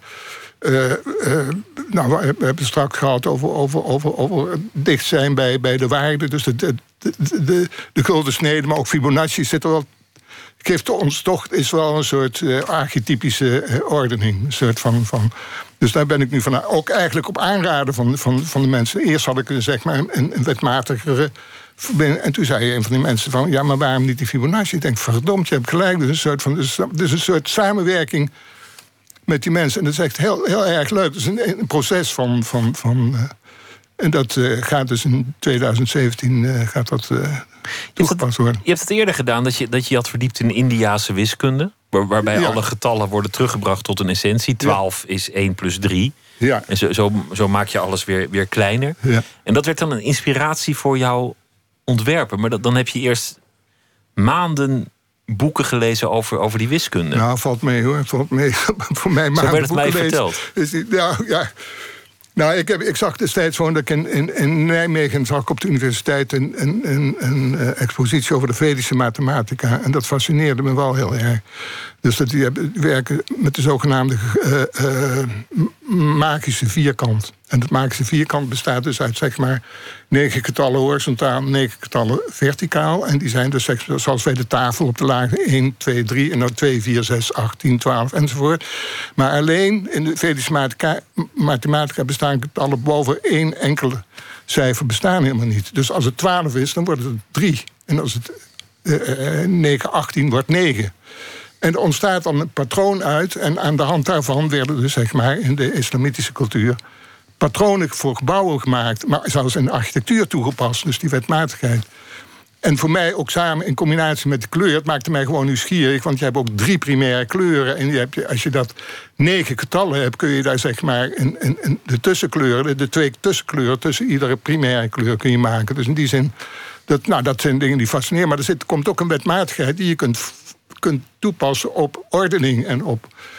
En dat, dat, uh, ja, dat vind ik dan een, een, een, een fantastisch hulpmiddel. Om, een hele nieuwe zienswijze die weer leidt tot, tot nieuwe antwoorden en nieuwe oplossingen. Ja, precies. Ja. Je bent uh, de 70 al wat ruim gepasseerd, zo, zo 77. Nog ja. steeds op en neer in het vliegtuig naar Yale. Nog steeds aan het werk, nog steeds lesgeven. Ja. Wat is het dat, dat het zo. Dat, dat je zo aan de gang houdt? Juist dat. Juist dat. Ja. Maar, maar ook die, die, die drang om door te gaan. Geen, enkele neiging om ooit met pensioen te gaan. Ja, ik weet het ook niet. Het is, het is een groot plezier om te doen. Dus in die zin, waarom, waarom, waarom zou ik het niet doen? Een soort, en zolang ze me nog vragen, een soort, uh, ja, denk ik van, nou, het zal wel ergens goed voor zijn. Dus, uh, zo doen. Nou, dat is, een, is een mooi antwoord. Ze hebben me ook verteld dat je, dat je heel trouw bent in, in je contacten. Dat, dat je met oud-studenten contact houdt. Dat met mensen met wie het samenwerken bevalt, dat je daar opnieuw samenwerkingen mee aangaat. En dat, dat je eigenlijk heel goed zorgt dat je mensen in de buurt houdt. Herken je ik daar weet, iets ik in? weet niet waar je die informatie van hebt, maar dat klopt een deel. Maar er zijn, ik heb nog contact zelfs met studenten uh, van het eerste uur. Uh, onder andere Jaap van Tries, die dat boek voor mij gemaakt heeft. Nog echt een, een goede vriend van me geworden. Hij is de architect van het boek Printed Matter... wat mij eigenlijk toch als, als ontwerper zichtbaar heeft gemaakt. En, uh, uh, maar heel veel meer van alle generaties. Maar ook over, ja, wel over de hele wereld. Vanuit China, van uh, Japan, noem maar op. Toch wel waar ik regelmatig mailtjes krijg van studenten. Maar ik heb ook wel met veel mensen oneenigheid, toch? Ja. Ook wel, ruzie. Ja, ja. Dat komt ook voor, ja. Nou, ruzie, ja. Oneenigheid. Ja. Ja, dat is een beetje hetzelfde, toch? Of niet? Ja. Oh ja. Is ook gezond, toch? Of niet? Kijk je, kijk je dan terug, want dat, dat boek is verschenen en dat, dat, dat is een collectors item geworden. Dat, dat maakt dan school. Dan, dat, Ja. dat is voor ontwerpers ook iets waar ze naar kijken en weer op verder gaan. Ja. Kijk je zelf ook terug in, in al die dingen die je gedaan hebt en denk je, dat was echt goed? Daar heb ik het echt beet gehad. Er zijn wel momenten, ja. ja. Ja, maar ach. Ook niet echt. Het is niet echt iets wat je nee, doet, volgens het is het geheel. Ik, ik, probeer, ik probeer alles serieus te nemen. Dus eh, alles een visitekaartje voor, voor, voor, voor uh, de tandarts, bij wijze van spreken, is me nooit gevraagd. Maar het is overigens hondsmoeilijk hoor, een visitekaartje. Maar het is, voor mij is niks minderwaardig. Behalve wat minderwaardig is. Ik bedoel, dat zou ik niet aangaan. Maar, maar het, het, voor mij is misschien een beetje. Uh, voor een econoom zou dat uh, verwerpelijk zijn. Hè? Dus dat je. Alles gelijk stelt? Ja, ja. ja, ja. Maar het, het, het, gaat om je energie. Waar stop je je energie in? Dus als ik ja zeg tegen iets, dan vind ik ook. dan moet ik het, dan moet ik het voor de volle 100% aangaan. Daar zit eigenlijk wel een soort afkeer in van, van iets wat in onze samenleving heel erg aan de hand is. Dat, dat het altijd gerelateerd moet zijn aan iets anders. Aan, aan de opbrengst of het moet, het moet controleerbaar zijn, ja. Afrekenbaar. Bij, jou gaat het om een innerlijke waarde. Ja, als je dat zo zegt, dat klinkt wel aannemelijk, ja. ja. Ja, die marketing, marketing heeft de hele wereld verpest. Dat is echt. Eh, dat is echt uh, er is niks tegen marketing op zichzelf als gedachte. Maar die mensen die denken dat ze alles weten. En dat ze uh, ook bepalen van, van uh, een boekomslag. Ja, dat moet die kleur hebben, want die andere kleur verkoopt niet. Of het is allemaal van dat soort banale dingen. Die zo, zo ver staan van, van de intenties waarmee iemand die serieus met dingen omgaat. Het is soort van, dus het, is, het gaat om het, om, om het geld in deze tijd. Dus dat is jammer. Wat, wat is eigenlijk het. Je noemde de Bijbel, een soort oerboek. Ja. Is er ook een soort oerontwerp? Is er, is er eigenlijk een, een, een ontwerp der ontwerpen waar, waar als het alles op terug zal keren? Ik, ik zou het niet weten. Nee, ik, ik denk er ook maar over na, maar ja. kom er ook niet op. Ik heb wel een jaloezie ten aanzien van een uitvinding van een ontwerp. dat is het wattenstokje. Dus dat je twee waar je oor mee schoonmaakt. twee kanten, dat iemand dat bedacht heeft. Dat je dat aan twee kanten kan doen. Dat je hem kan omdraaien en dan nog een keer kan peuren. Ja, je andere oor. Je hebt twee oren. En wat zitten twee? Dat vind ik, dat vind ik nou een geniaal ontwerp. Een soort van, snap je? Dus het, is zo eenvoudig. En je kunt ze voor, voor, voor een... Uh, nou, misschien moeten we het eruit uitknippen. Maar, ik vind, maar dat soort simpel, simpelheid van, van, van, van... Denk je van, goh alles is al bedacht en iemand die hebt dat nodig... en iemand die komt op het idee van een, aan beide kanten. En kunt daar... Eigenlijk briljant. Ik ben benieuwd wie de uitvinder uh, was. Karel Martens, dankjewel. Het was leuk om je te gast uh, te hebben. En heel veel succes met alles wat je, wat je gaat doen met lesgeven, het ontwerpen. Met uh, Le Havre en alle andere projecten die nog komen gaan. Zometeen is eh, Don Duins aan de beurt om een verhaal voor te dragen. Dat doet hij na ene over eh, de voorbije dag. Twitter, VPRO NMS. We zitten op Facebook en u kunt zich abonneren op de podcast... via iTunes of de website van de VPRO.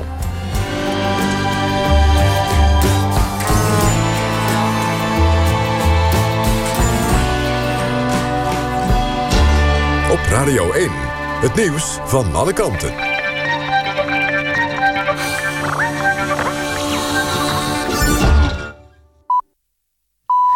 1 uur, Mariette Krol met het NOS Journaal. Justitie looft een beloning van 25.000 euro uit voor de gouden tip... die leidt naar twee verdwenen mannen, één uit Landsmeer en één uit Amsterdam. Ze verdwenen vorige week. Volgens de politie is er mogelijk een verband tussen beide ontvoeringen. Mogelijk zijn beide mannen betrokken bij een ripdeal tussen criminelen. Het tv-programma Opsporing Verzocht liet de afgelopen avond bewakingsbeelden zien uit Zaandam van een witte Audi... waarin een van de mannen zou zijn ontvoerd. Het ministerie van Buitenlandse Zaken zegt dat een Nederlandse vrouw... hulp heeft gevraagd bij de ambassade in Irak. Dat is de enige reactie van het ministerie op het bericht dat een Nederlandse vrouw met haar twee kinderen zou zijn ontsnapt uit IS-gebied. De vrouw heeft dat gezegd tegen een Koerdisch tv-station. Het gaat om een 21-jarige vrouw uit Zoetermeer. Ze zegt dat ze vorig jaar door haar man tegen haar wil is meegenomen naar het kalifaat in Irak. Met hulp van haar vader zou ze Koerdisch gebied hebben weten te bereiken. In een ziekenhuis in Servië is Goran Hadjic overleden. Het Joegoslavië-tribunaal verdacht hem van oorlogsmisdaden... tijdens de oorlog in Kroatië begin jaren 90. Hadjic zou als president van de zelfverklaarde Republiek Krajina... etnische Kroaten hebben laten mishandelen, vermoorden en deporteren... Hij werd in 2011 opgepakt, maar het tribunaal in Den Haag liet zijn zaak vorig jaar vallen en stond Hadjic toe terug te keren naar Servië omdat hij leed aan een hersentumor. Daaraan is hij nu ook overleden, op 57-jarige leeftijd. In Dallas is de schietpartij van vorige week herdacht... waarbij vijf agenten werden gedood... tijdens een demonstratie tegen racistisch politiegeweld. President Obama was ook bij de herdenking... net als oud-president George W. Bush. Uit respect voor de omgekomen agenten... waren vijf stoelen bij de ceremonie niet bezet. Het weer de komende nacht overwegend droog, een graad of 11. Morgen opnieuw buien, vooral landinwaarts. Het wordt dan ongeveer 18 graden. Dit was het NOS Journaal. NPO Radio 1. VPRO. Slapen.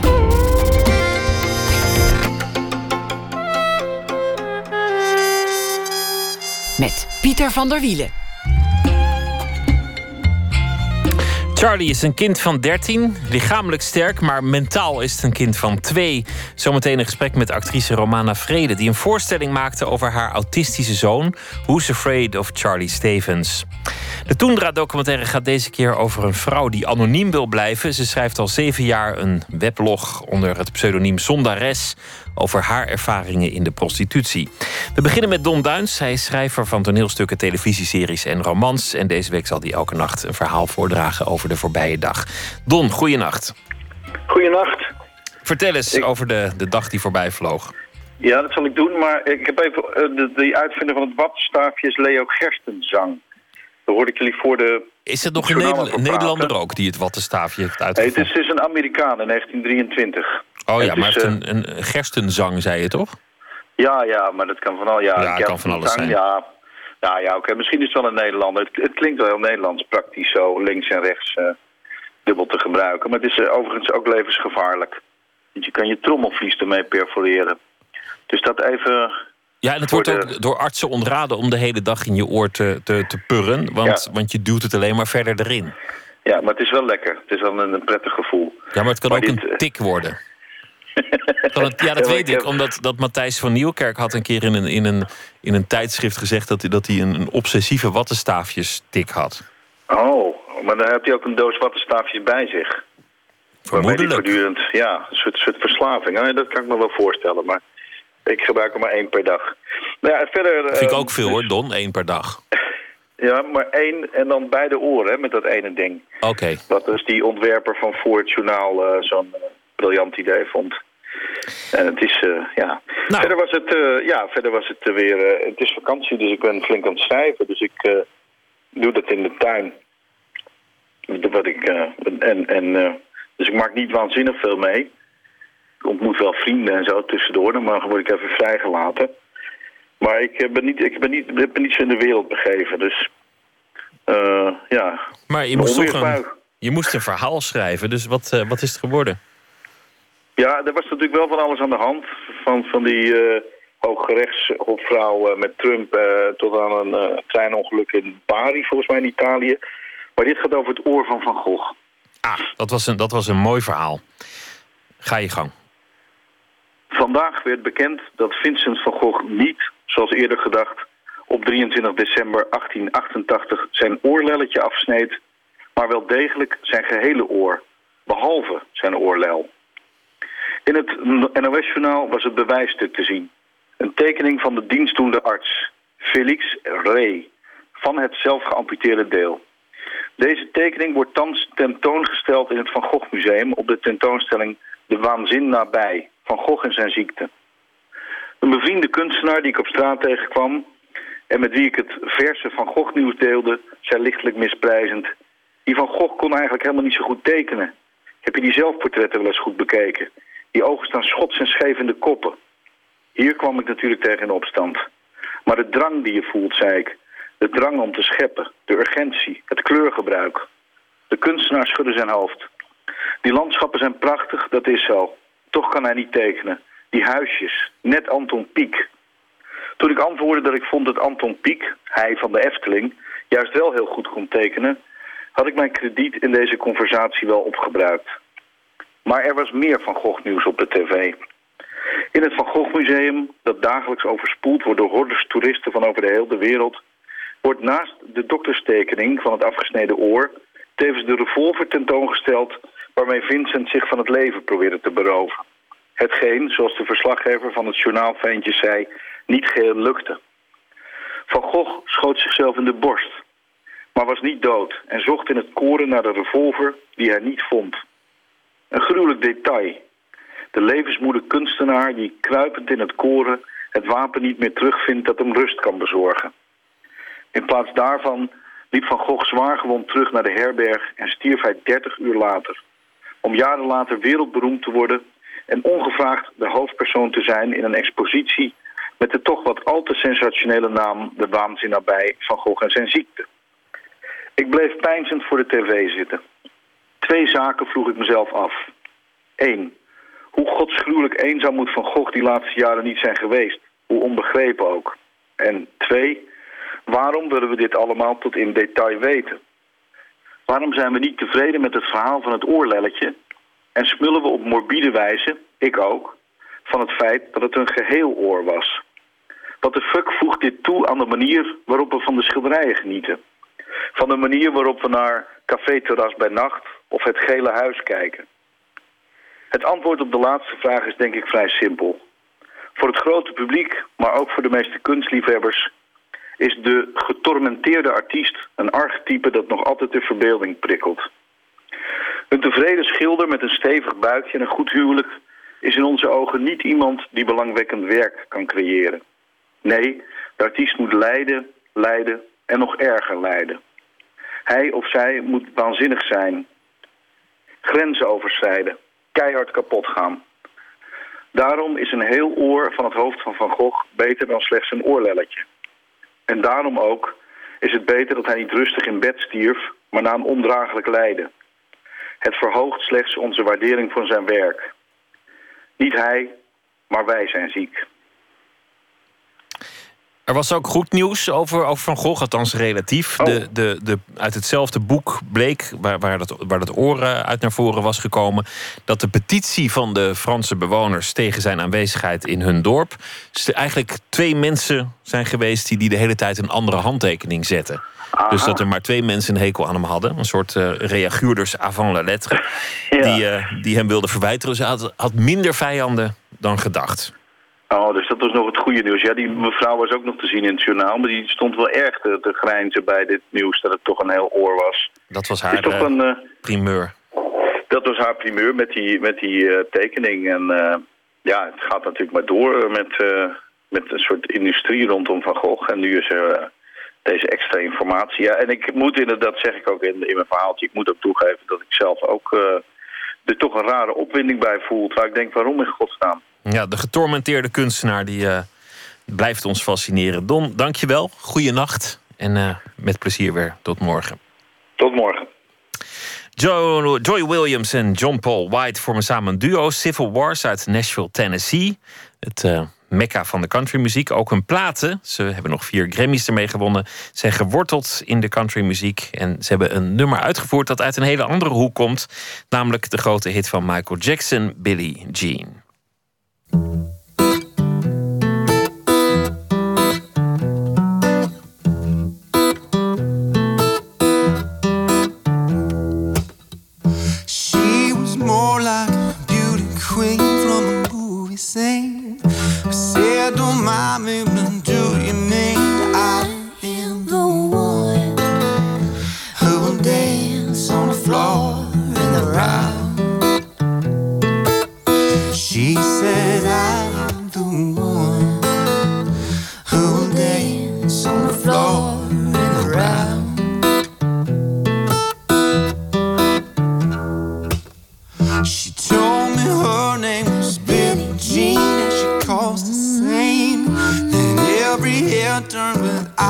dream.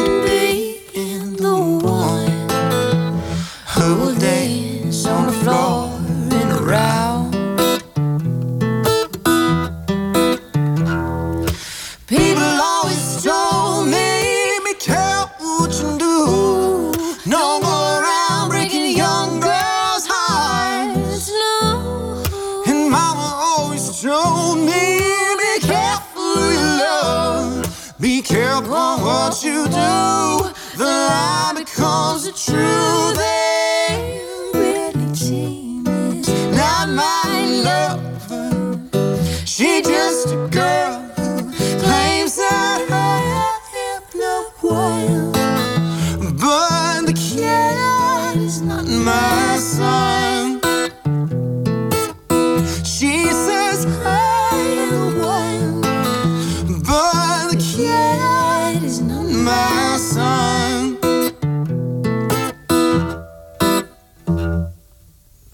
For 40 days and for 40 nights, lost on her side. But who can stand when she's in demand? Her schemes and plans. Cause we danced on the floor in the round. So take my strong advice. Just remember to always think twice. Oh, She told my baby we danced till three, and she looked at me. Showed a photo, baby cried, his eyes were like mine. Oh no, cause we danced on the floor in the round.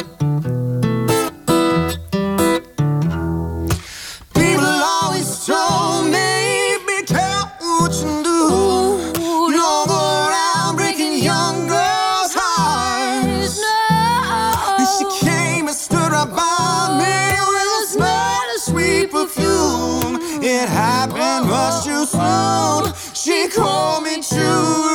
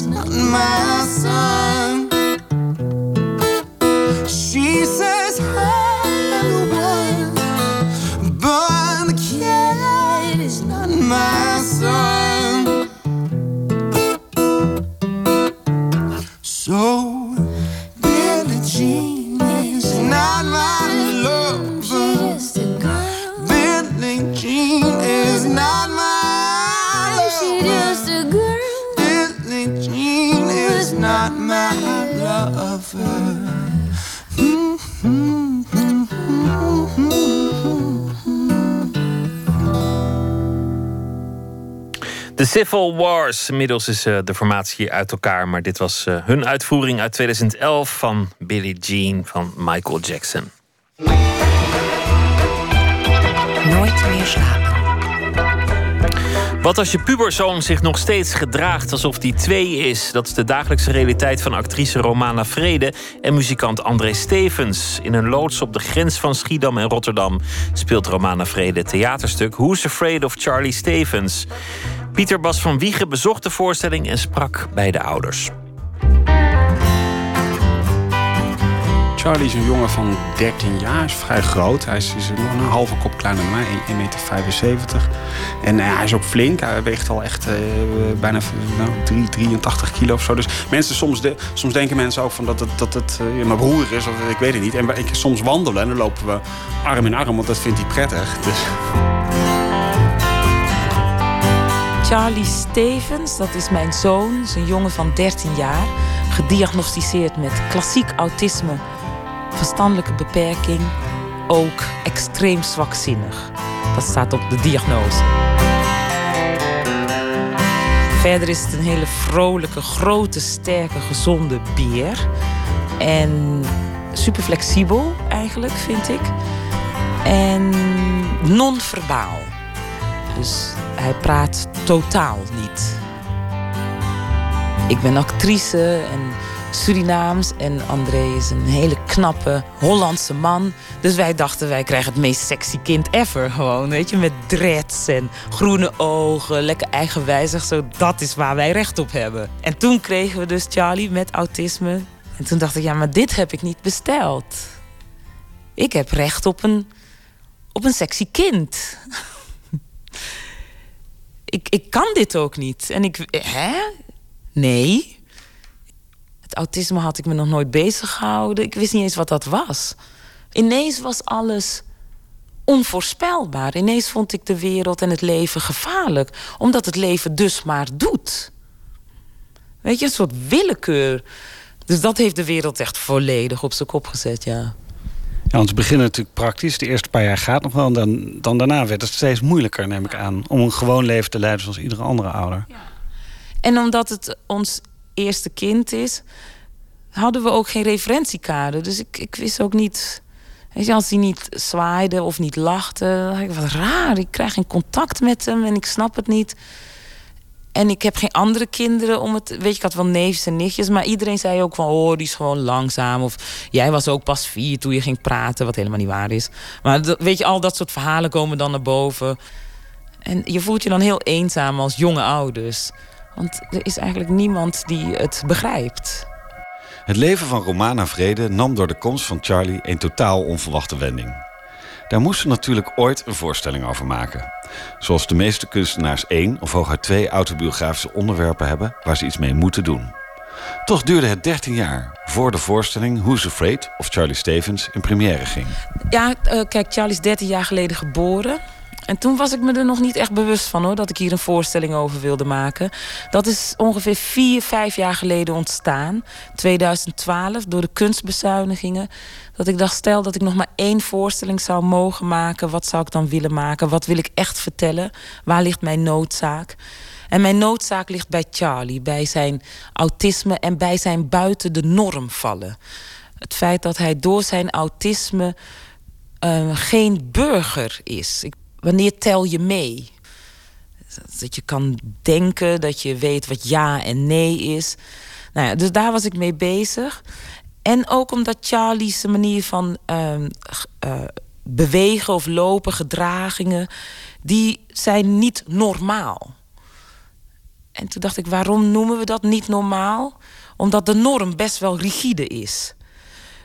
Zijn autisme is eigenlijk een communicatiestoornis met datgene wat de norm is. Dus dat ligt niet zozeer bij hem, dat ligt in de overdracht. Dat ligt in de interactie. En toen dacht ik, ehm, in de kunst mag je, zoals eh, Polonius over Hamlet zegt, though this, though this be madness, there's method in it. Mag je buiten de kaders van de norm denken. Dus daarom kwam ik met het idee, Charlie heeft geen autisme, Charlie is een kunstenaar.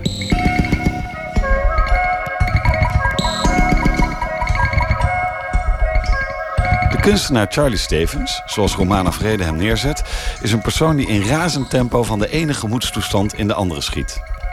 Romana en de muziektheatermakers van Club Gewalt gaan tot het uiterste. Ze zappen in hoog tempo langs repeterende handelingen, chaos, agressie en tederheid. dat zeppen en dat geluid. En dat is de wereld zoals Charlie hem zou kunnen ervaren. Met al die indrukken, met al die impulsen. En met al die geluiden. En dan kan hij er ogenschijnlijk rustig bij zitten, maar er gebeurt heel veel. En wat we ook hebben proberen te vangen in het eerste gedeelte is de, het onvoorspelbare. Dus dan zit hij rustig en dan ineens. Of dan gaat hij ineens iemand in de IKEA. Loopt hij daar langs, denk je, nou, we zijn daar langs. En dan ineens geeft hij die een kus op de voorhoofd. Weet je, echt een ah, ben je weer te laat. En dat zo iemand dan zegt, oh, dat had ik dan net nodig. Dat je echt denkt, hm, wat heb je gecommuniceerd met die vrouw? Dus het onvoorspelbare karakter. En dat is wat ik heb proberen uit te leggen. Dat je dat het soms voelt alsof je nooit kan ontspannen. Dat je een soort tijgerin bent, een leeuwin die constant paraat moet zijn. Dat je niet weet wat er nou weer gaat gebeuren. En dat is, dat is vermoeiend.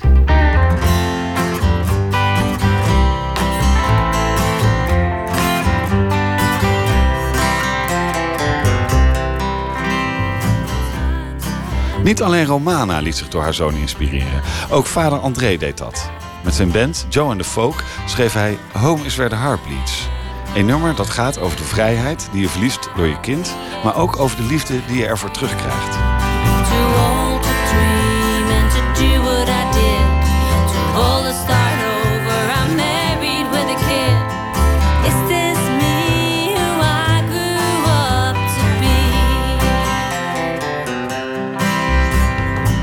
André en Romana zijn inmiddels uit elkaar. Maar ze vormen naar eigen zeggen het beste co-ouder duo dat er bestaat. Bij André thuis bezoek ik Charlie's speelkamer. Een ogenschijnlijk gewone kinderkamer met knuffels, Lego en speelgoed. Maar deze plek is cruciaal voor Charlie's ontwikkeling. Dit is een veilige plek. Uh, een, veilige, vertrouwde plek voor Charlie. Waar hij ja, gewoon helemaal zichzelf kan zijn. Uh, en waar hij overdag door vrijwilligers wordt uh, begeleid. Op, op een bepaalde manier. Op, op een CSL-manier. Contactgericht spelen en leren. Hij, hij, hoeft niet te veranderen. Hij hoeft niet iets te leren om te veranderen. We proberen hem mee te gaan in zijn wereld. Dat doen we ook uh, in, in, deze kamer. Maar tegelijkertijd laten we ook hem zien van... kijk, zo werkt het in onze wereld. Niet zozeer dat hij dat moet leren... maar gewoon dat hij de, de, de, de mogelijkheid krijgt om, om te zien van... hé, hey, hoe werkt het in onze wereld? En, en, en natuurlijk is zijn, is, is, is, is zijn begeleiding heel veel gericht op communicatie. Wij hebben gekeken van wat is nodig voor hem. En we hebben gekeken van is dat er? Is dat er beschikbaar? En wij vonden van ja, dat is er niet. En toen hebben we dat zelf gecreëerd. En, en dat is gelukt. En ja, daar, daar ben ik ook heel, heel, heel, ja, heel blij mee. Als je zo'n uh, zo'n zo'n speelmethode doet, dan gebeuren vast ook hele verrassende dingen waarvan je nooit had gedacht dat uh, Charlie daartoe in staat zou zijn of dat dat zou kunnen. Uh, heb je daar voorbeelden van?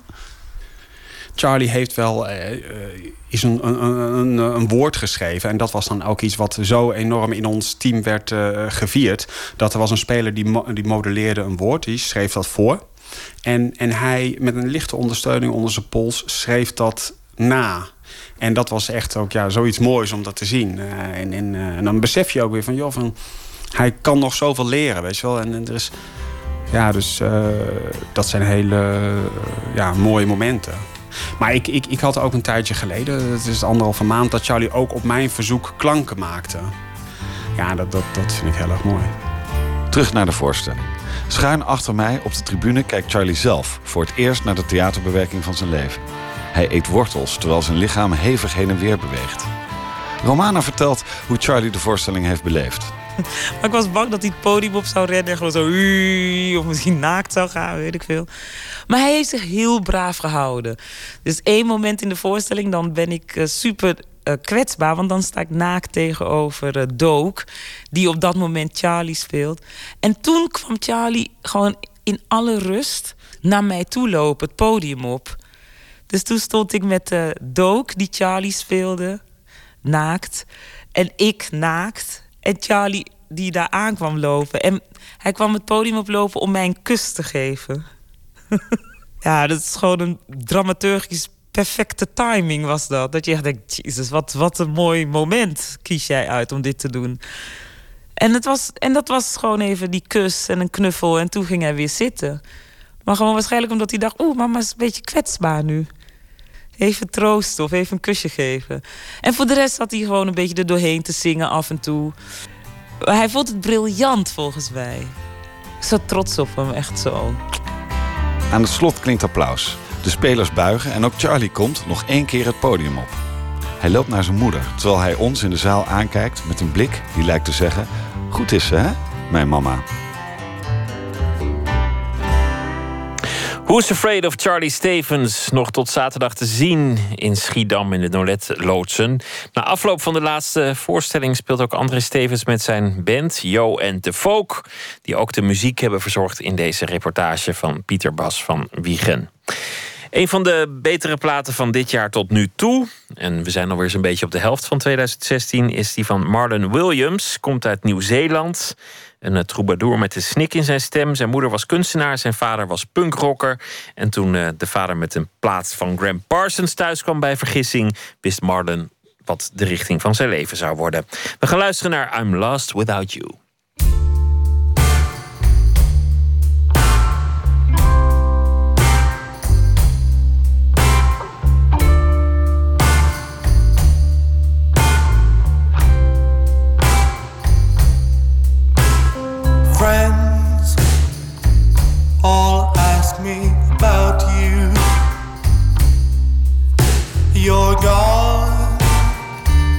Gone, and they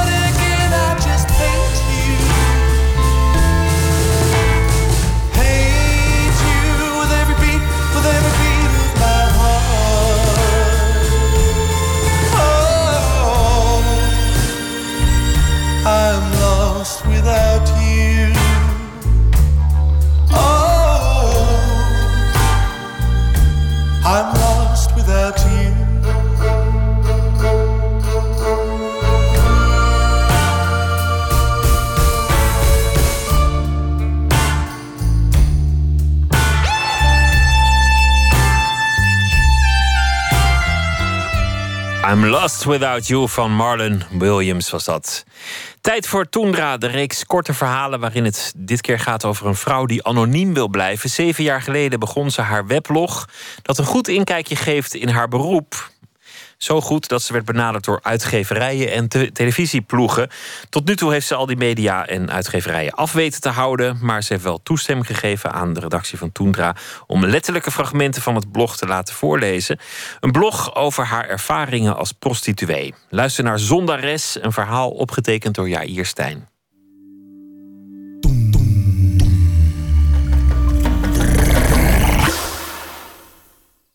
Maandag 6 oktober 2008.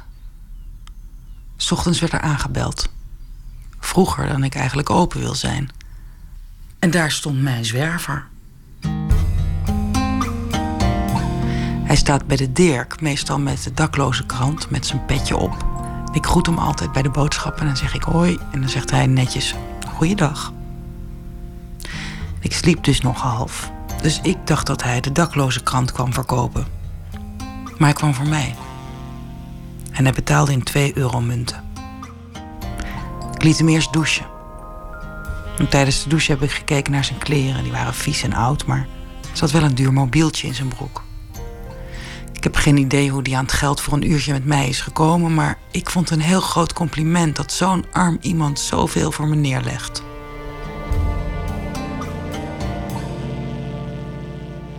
Woensdag 17 december 2008. Ik heb in mijn peeskamer een echt bed. Dat is eigenlijk niet zo handig, want bedden bewegen met je mee en je verliest gemakkelijk je evenwicht. Achter de ramen gebruiken we gewoon een plank met een dun matrasje. Dat gaat ook lekker lang mee. Maar als je een echt bed hebt, dan merk je wel dat het snel kapot gaat. Mijn laatste matras was Ikea. Die is heel snel versleten. Ik ben dus aan het shoppen geweest en ik heb er een bij de Beter Bed gekocht. Die zou gisteren worden geleverd. In de ochtend hadden ze gezegd. Dus ik wachtte. Heel lang wachten. Ik had mijn klanten in de middag gepland op die nieuwe matras.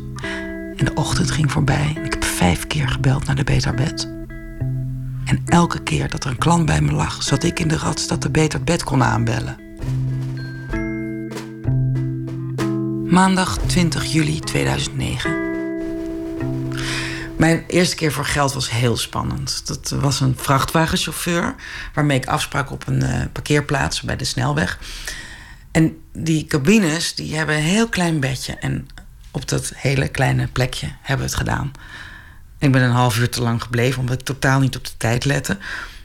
En dat was echt een hele bijzondere ervaring. Het was seksueel eh, geladen, maar helemaal niet emotioneel geladen.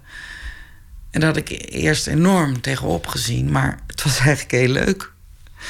We deden pijpen en twee standjes. En toen ik wegliep met dat geld terug naar mijn auto, toen voelde ik me alsof ik de hele wereld aankon. Ik was veel verder gegaan dan ik, dan ik ooit had gedacht, maar het was gewoon fijn. Ik had heel goed verdiend, het, het, het hoogste uurloon dat ik ooit had gehad. En opeens wist ik niet meer waar ik nou zo druk over had gemaakt. Ja, binnen drie maanden was ik fulltime aan het werk.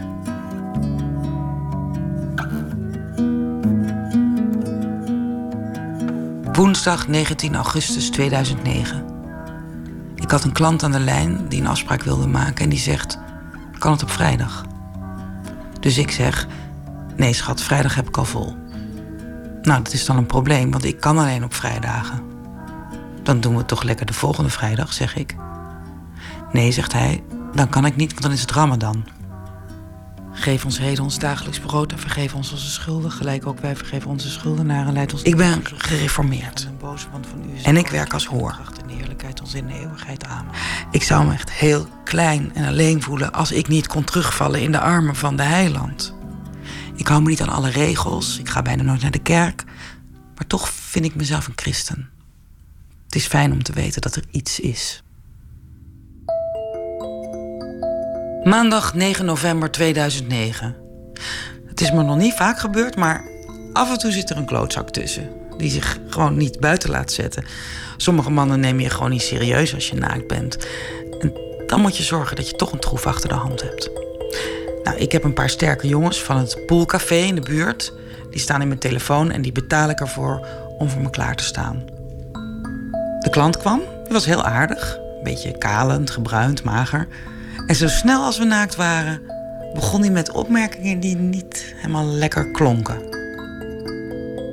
En het was niet eens zozeer wat hij zei, maar het was meer de toon die hij gebruikte. Zoals: Jij kan maar beter gaan pijpen. En doe jij nou maar wat ik zeg, dan gaat alles goed komen. En pas op met die tanden of ik word boos. Ik was hem aan het bereiden, terwijl hij op zijn rug lag. En hij pakt ineens een sigaret. Dus ik zeg tegen hem dat ik niet laat roken in mijn huis. En hij lacht een beetje en stak toen toch die sigaret op. Dus ik zeg dat hij die sigaret uit moet maken en dat hij anders op kan rotten. En toen ging hij met die sigaret heel dreigend naar mijn dij toe. Ik heb hem uit me laten schieten. Ik ben van de bed naar de tv-kast gesprongen waar de telefoon lag. En ik drukte op de voorkiesknop voor mijn zware jongens. Maar toen had ik natuurlijk nog wel die man in mijn kamer.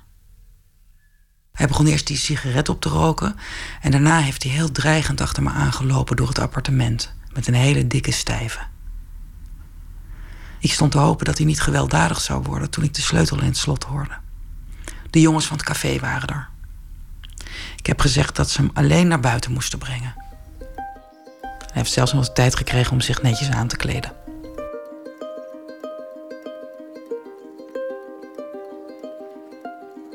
Donderdag 26 november 2009.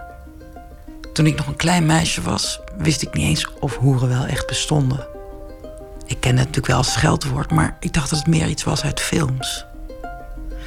In het begin van mijn studietijd had ik me wel sociaal ontwikkeld, maar ik was nog steeds een dorpstrut als het ging om seks.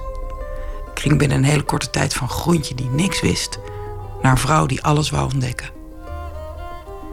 Ik heb pas later begrepen dat ik eigenlijk verder ging dan de meeste vrouwen om me heen. Ik had heel lang gekeken naar al die verschillende redenen voor seks en naar hoe vrouwen seks gebruikten. En ik had ze allemaal geprobeerd. Ik deed het voor mijn sociale leven, om interessant gevonden te worden of eh, als ik iets goed wilde maken. Ik wou dan gewoon één iets en dat regelde ik dan. Ik ben een paar keer langs de wallen gelopen en daar zag ik geen hele enge dingen, dus ik werd nieuwsgierig. Het was een heel simpele en eerlijke vorm van wat ik eigenlijk eerder al deed.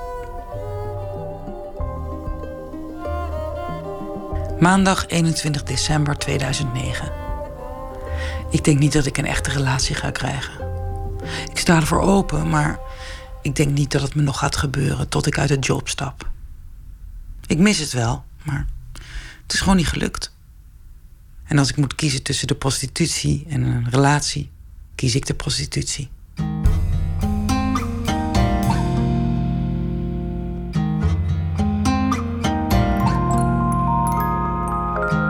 Maandag 22 maart 2010. Toen ik dit werk een poosje had gedaan en ik had al een half jaar geen vriendje meer, toen moest ik weer zo'n man voor mezelf hebben. Kijk, als je veel seks hebt, dan ga je het ook steeds meer nodig hebben. En dan gaat het ook steeds meer opvallen als je iets niet krijgt. Ik had een idee. Als ik nou de lekkere klanten uitnodig voor gratis nummertjes, waarbij ik lekker aan me trekken kon. Het klinkt zo logisch. kan het niet eens naïef noemen. Met vier klanten heb ik het geprobeerd. Bij alle vier de mannen ging het mis. En telkens op dezelfde manier. En ze gedragen zich heel anders. Als ze betaald hebben, dan weten ze waar ze aan toe zijn en word je met respect behandeld. Maar als je het gratis doet, dan ben je een chickie waar ze op de gewone manier mee omgaan. Ze denken dan dat je, als ze maar wat zeiken, dat je wel over je grenzen heen gaat. Heel veel gelul over gevoelens, terwijl je al aan de toon kan horen dat ze gewoon liegen. En dan heb ik het nog niet eens over hun prestaties gehad. Als het eventjes op mijn tempo moest of op mijn manier ging, dan begonnen de klaagzangen dat het niet lekker was of dat het pijn deed. Nou, dan ben je in één klap mijn respect kwijt. Ze kunnen toch wel even doorneuken als het niet zo gemakkelijk is. als het erom gaat dat ik aan mijn trekken moet komen, dan betaal ik wel. Maandag 23 december 2013. Het zijn de donkere dagen voor kerst. Even de stad uit. Bij mijn ouders, in de kerk. Bij de buren met wie ik ben opgegroeid. Een paar dagen weer mijn ouders dochter zijn. Donderdag 1 januari 2015. Mijn goede voornemens. Meer met mijn familie doen. Drie keer per week vega gaan. Alleen nog fair trade chocola kopen. Mijn balkon in de bloemen zetten. Weer samba gaan dansen. Regelmatiger gaan squashen. Meer e-mails beantwoorden en ook echt alles lezen. En vaker naar de kerk.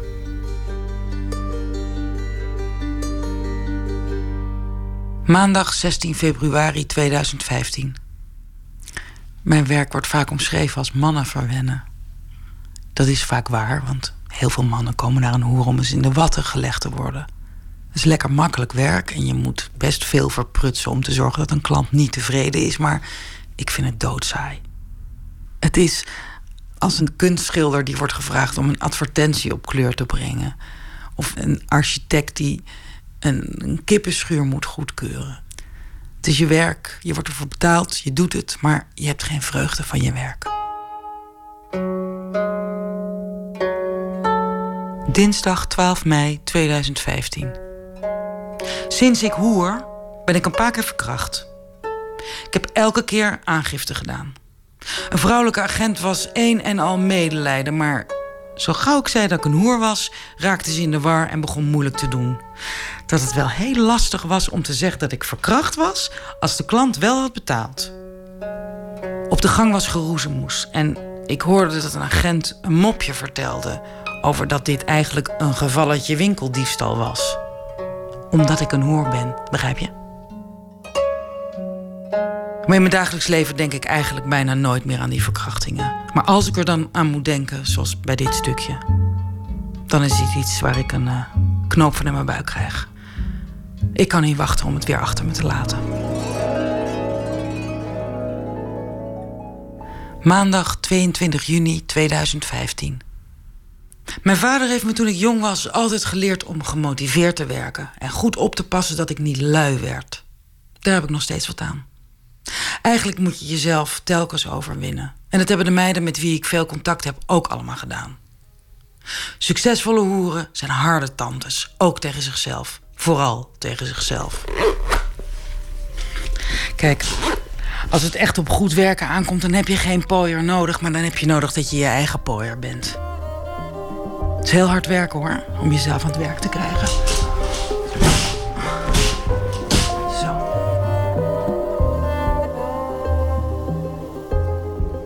Zondares, een verhaal gemaakt door Jair Stijn. Techniek Alfred Koster, eindredactie Katinka Beer.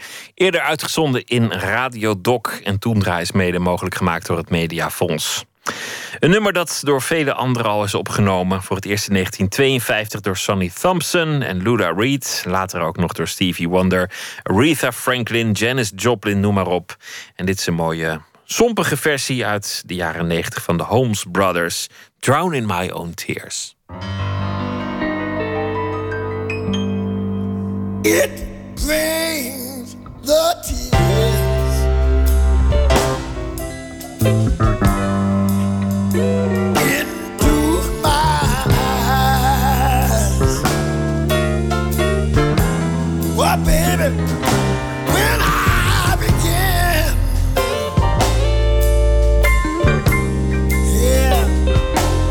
Get to be alive, baby.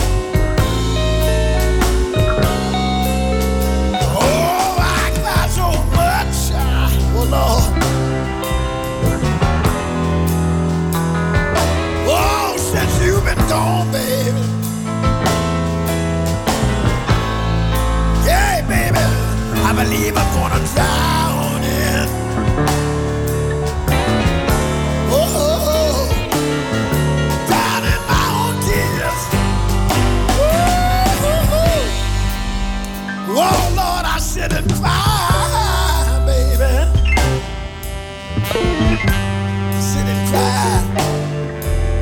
Like a child.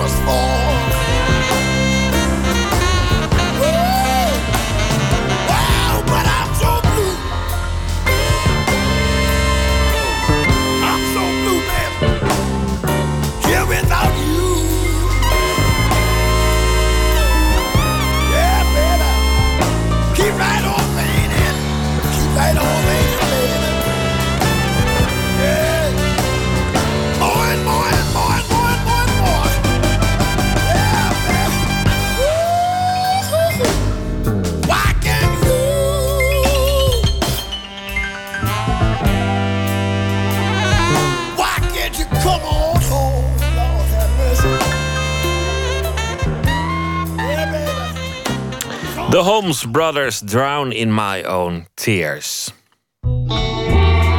Nooit meer slapen. Het graf van Jim Morrison, het grasveldje waar Lennon en McCartney elkaar ontmoeten, of het huis van de gezusters Bronte, het zijn moderne bedevaartsoorden. Waarom willen mensen naar zulke plekken toe? Deel 2 uit een uh, zomerweekserie van Emmy Colau. Vannacht met schrijver en journalist Arjan Visser. In 2006 ging hij naar Berlijn voor één piepklein schilderijtje uit begin 16e eeuw van wat moet zijn een navolger van Jeroen Bos. En dat toevallig daar te zien was op een grote tentoonstelling. Op dat schilderij er staat heel veel, maar wat me vooral meteen opviel, was in het midden, zo'n beetje net onder het midden, zit een, een klein mannetje met een, uh, een kap over zijn hoofd. En in het stuk ernaast stond een hele mooie omschrijving van dat mannetje. En, dat, die omschrijving was van Menno ter Braak. Die was bij de tentoonstelling geweest waar dit schilderij destijds hing in 36.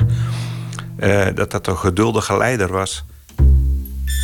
En dat vond ik heel raar getypeerd, want je ziet zo'n beeld van allemaal hindernissen, gevaren. Uh, er ligt van alles op de loer en natuurlijk enge duiveltjes en zo. Dan in het midden zit dan die monnik, Antonius, de stichter van het kloosterleven. En die zit daar helemaal ineengedoken en die doet eigenlijk niks. Die, die, die, die is heel passief. Terwijl al dat gevaar daar loert, zit hij daar in zijn eentje te overleven en te lijden eigenlijk. Tegelijkertijd heb je zo'n soort gevoel dat het hem toch niet raakt. Dat hij toch overleeft. Dat, dus dat ondanks al die ellende en ondanks het feit dat hij eigenlijk het centrum is van zoveel misère, uh, toch het, uh, het gaat doorstaan of zo.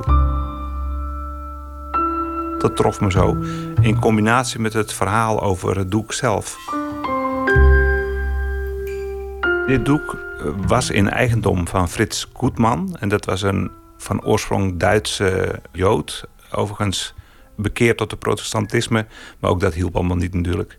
Uh, die uiteindelijk, ik geloof in 24, is genaturaliseerd tot Nederlander. En die uh, woonde in uh, Bosbeek, een soort buiten in Heemstede. En die had een enorme kunstverzameling. De Duitser viel het land binnen en wilde overal waar belangrijke schatten lagen Dus even een inventarisatielijst opstellen. En kwam dus ook bij meneer Goedman en zijn vrouw. Maar Goedman had dit specifieke doek al weggedaan vlak voor de Duitsers bij hem langskwamen. Dus dit was er al niet meer. Hij had dit aan een uh, Amerikaanse verzamelaar of zo gegeven, althans in, in bewaring. Die heeft het overigens meteen doorverkocht voor 10.000 dollar. Maar dat wist Goedman natuurlijk op dat moment niet. Maar zo, zo smerig gaat dat dan.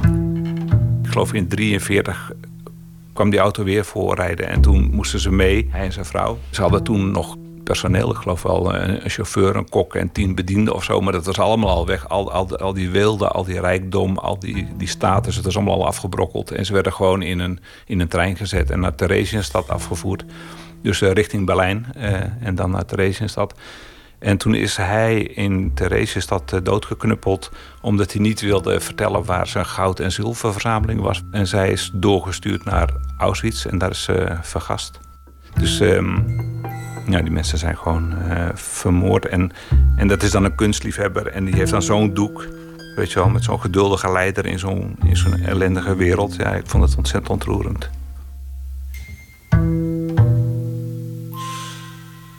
Het hele verhaal rondom dat doek is zo afschuwelijk. En tegelijkertijd hangt dat dan uiteindelijk in Berlijn en heeft het het overleefd. En dat, en dat beeld, dat, dat, dat doek van zo lang geleden, van weet ik van 1500 of zo, na zoveel omzwervingen en met zo'n afschuwelijke geschiedenis die eraan vast gaat kleven, uiteindelijk dan toch daar in Berlijn hangt. Toen dacht ik, ik moet daar gewoon een, soort buiging naar dat doek gaan maken. Misschien wel omdat dat dat mannetje is of zo, dat, dat gevoel. Hij het allemaal heeft overleefd, dus dat het klopt. Dus ik, ik nam de trein van half zeven. Het is iets van 6,5 uur naar Berlijn toe. Toen ben ik daar, ik weet niet hoe ik dan bij die Nooie Nationaal Galerie kom. Dat zal ook wel met een bus of een... En toen ben ik daar naartoe gegaan. Toen ben ik gewoon in die hele grote tentoonstelling... ben ik zo rechtstreeks naar dat kleine doekje gelopen. Daar heb ik er een tijdje naar staan kijken. Toen dacht ik, ja, dit is het dan. Het is het idee alleen dat je gewoon voor iets wat je mooi vindt... erg je best doet. We hadden ook naar de Efteling gekund of zo. ik had het ook wel anders kunnen besteden die dag. Dus, uh, impulsief. Zo gaat dat wel meestal bij mij. Want als ik erover zou nadenken, zou ik het waarschijnlijk toch niet doen. Ik denk dat, dat ik op, op het moment dat ik het lees, dat ik, ontroerd ben en dat ik denk, oh ja, dat, dat, eh, ja, toch alsof het een persoon is. Ik moet daar naartoe en ik moet daar gewoon, uh, ik moet het toejuichen dat het er nog is en dat het heeft overleefd, ondanks alles of zo. En het is ook nog wel heel mooi geschilderd hoor. Dus ik bedoel, het is ook echt een heel mooi plaatje om naar te kijken. Dus het, uh, maar vooral de geschiedenis. Ik wil eigenlijk een soort saluut aan de geschiedenis brengen of zo.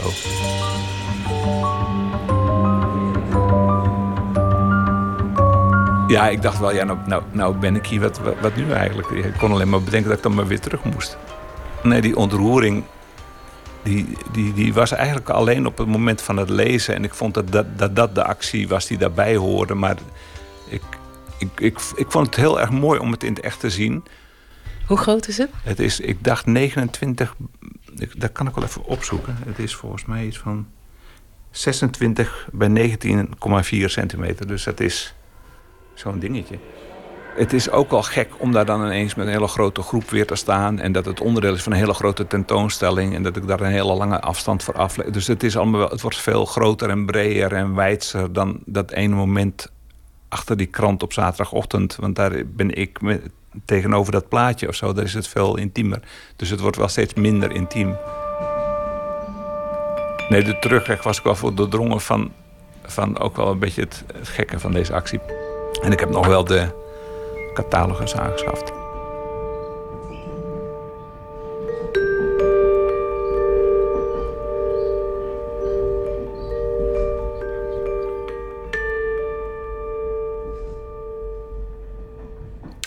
En Nicolaou in gesprek met schrijver-journalist Arjan Visser. In februari verscheen zijn roman God sta me bij, want ik ben onschuldig.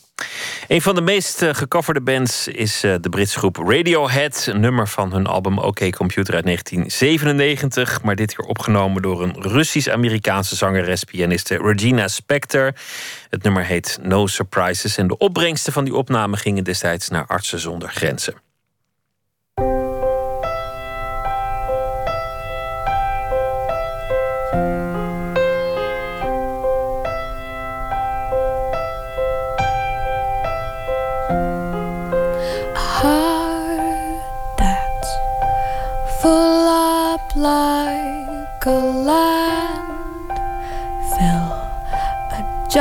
Job that slowly kills you, bruises that won't heal.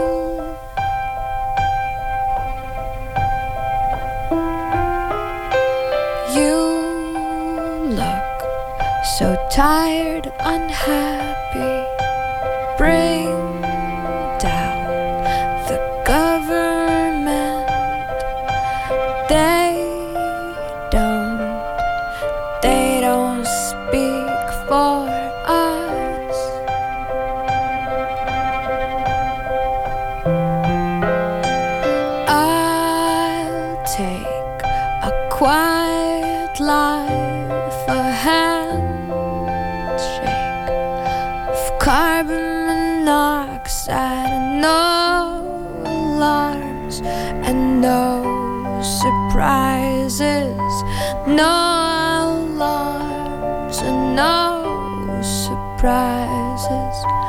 No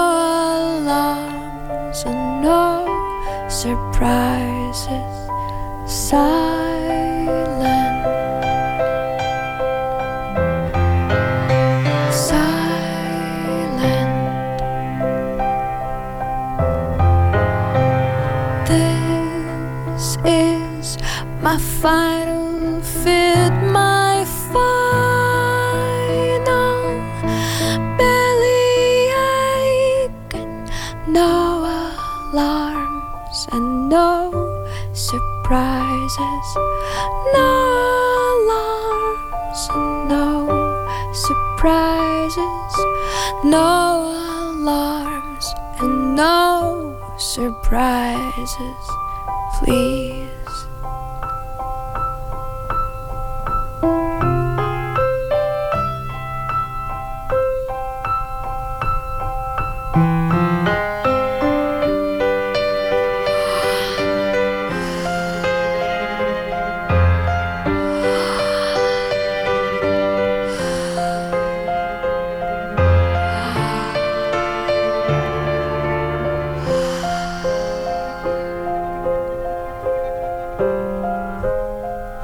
So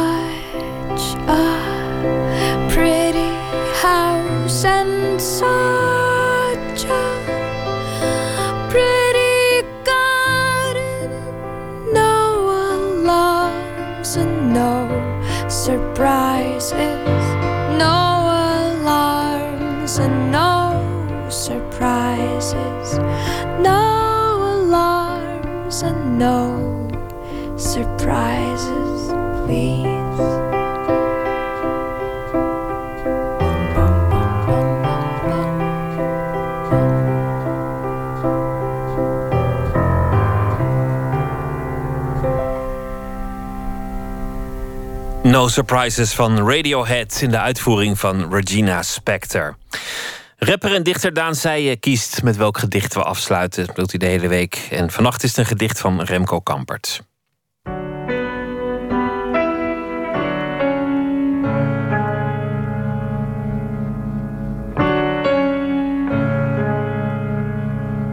Dit is het gedicht Sonnet van Remco Kampert.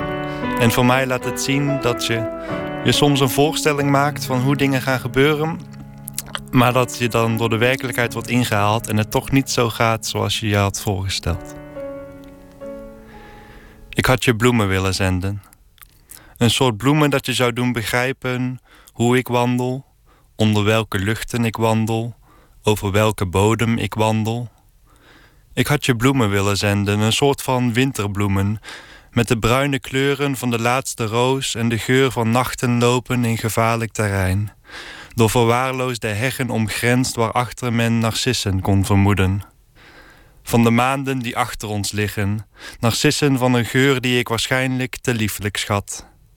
Dat soort bloemen had ik je willen zenden, niet per post en onverpakt, nee, ze zouden je worden gebracht door een zwarte jongen met een Grieks profiel die Duits studeert aan de universiteit, die zichzelf een choreografie heeft geschreven op muziek van Mozart. Dat soort bloemen, door zo'n soort jongen. Maar ik vernam dat je op reis bent en wel niet meer terug zult keren. Een gedicht van Remco Kampert, gelezen en uitgekozen door Daan Zeijen. Morgen in Nooit meer slapen komt Govert Schilling op bezoek. Wetenschapsjournalist, een uh, bekend popularisator van de wetenschap. Schrijft voor de Volkskrant, Science en New Scientist. En schrijft ook vele boeken over actuele kwesties in de wetenschap, ruimtevaart en sterrenkunde. En morgen gaan we het hebben over... Het alles, het, uh, het grote niets en het uh, grote geheel en alle mysteries die daar omheen hangen. Dat allemaal morgen voor nu een hele goede nacht en graag weer tot morgen.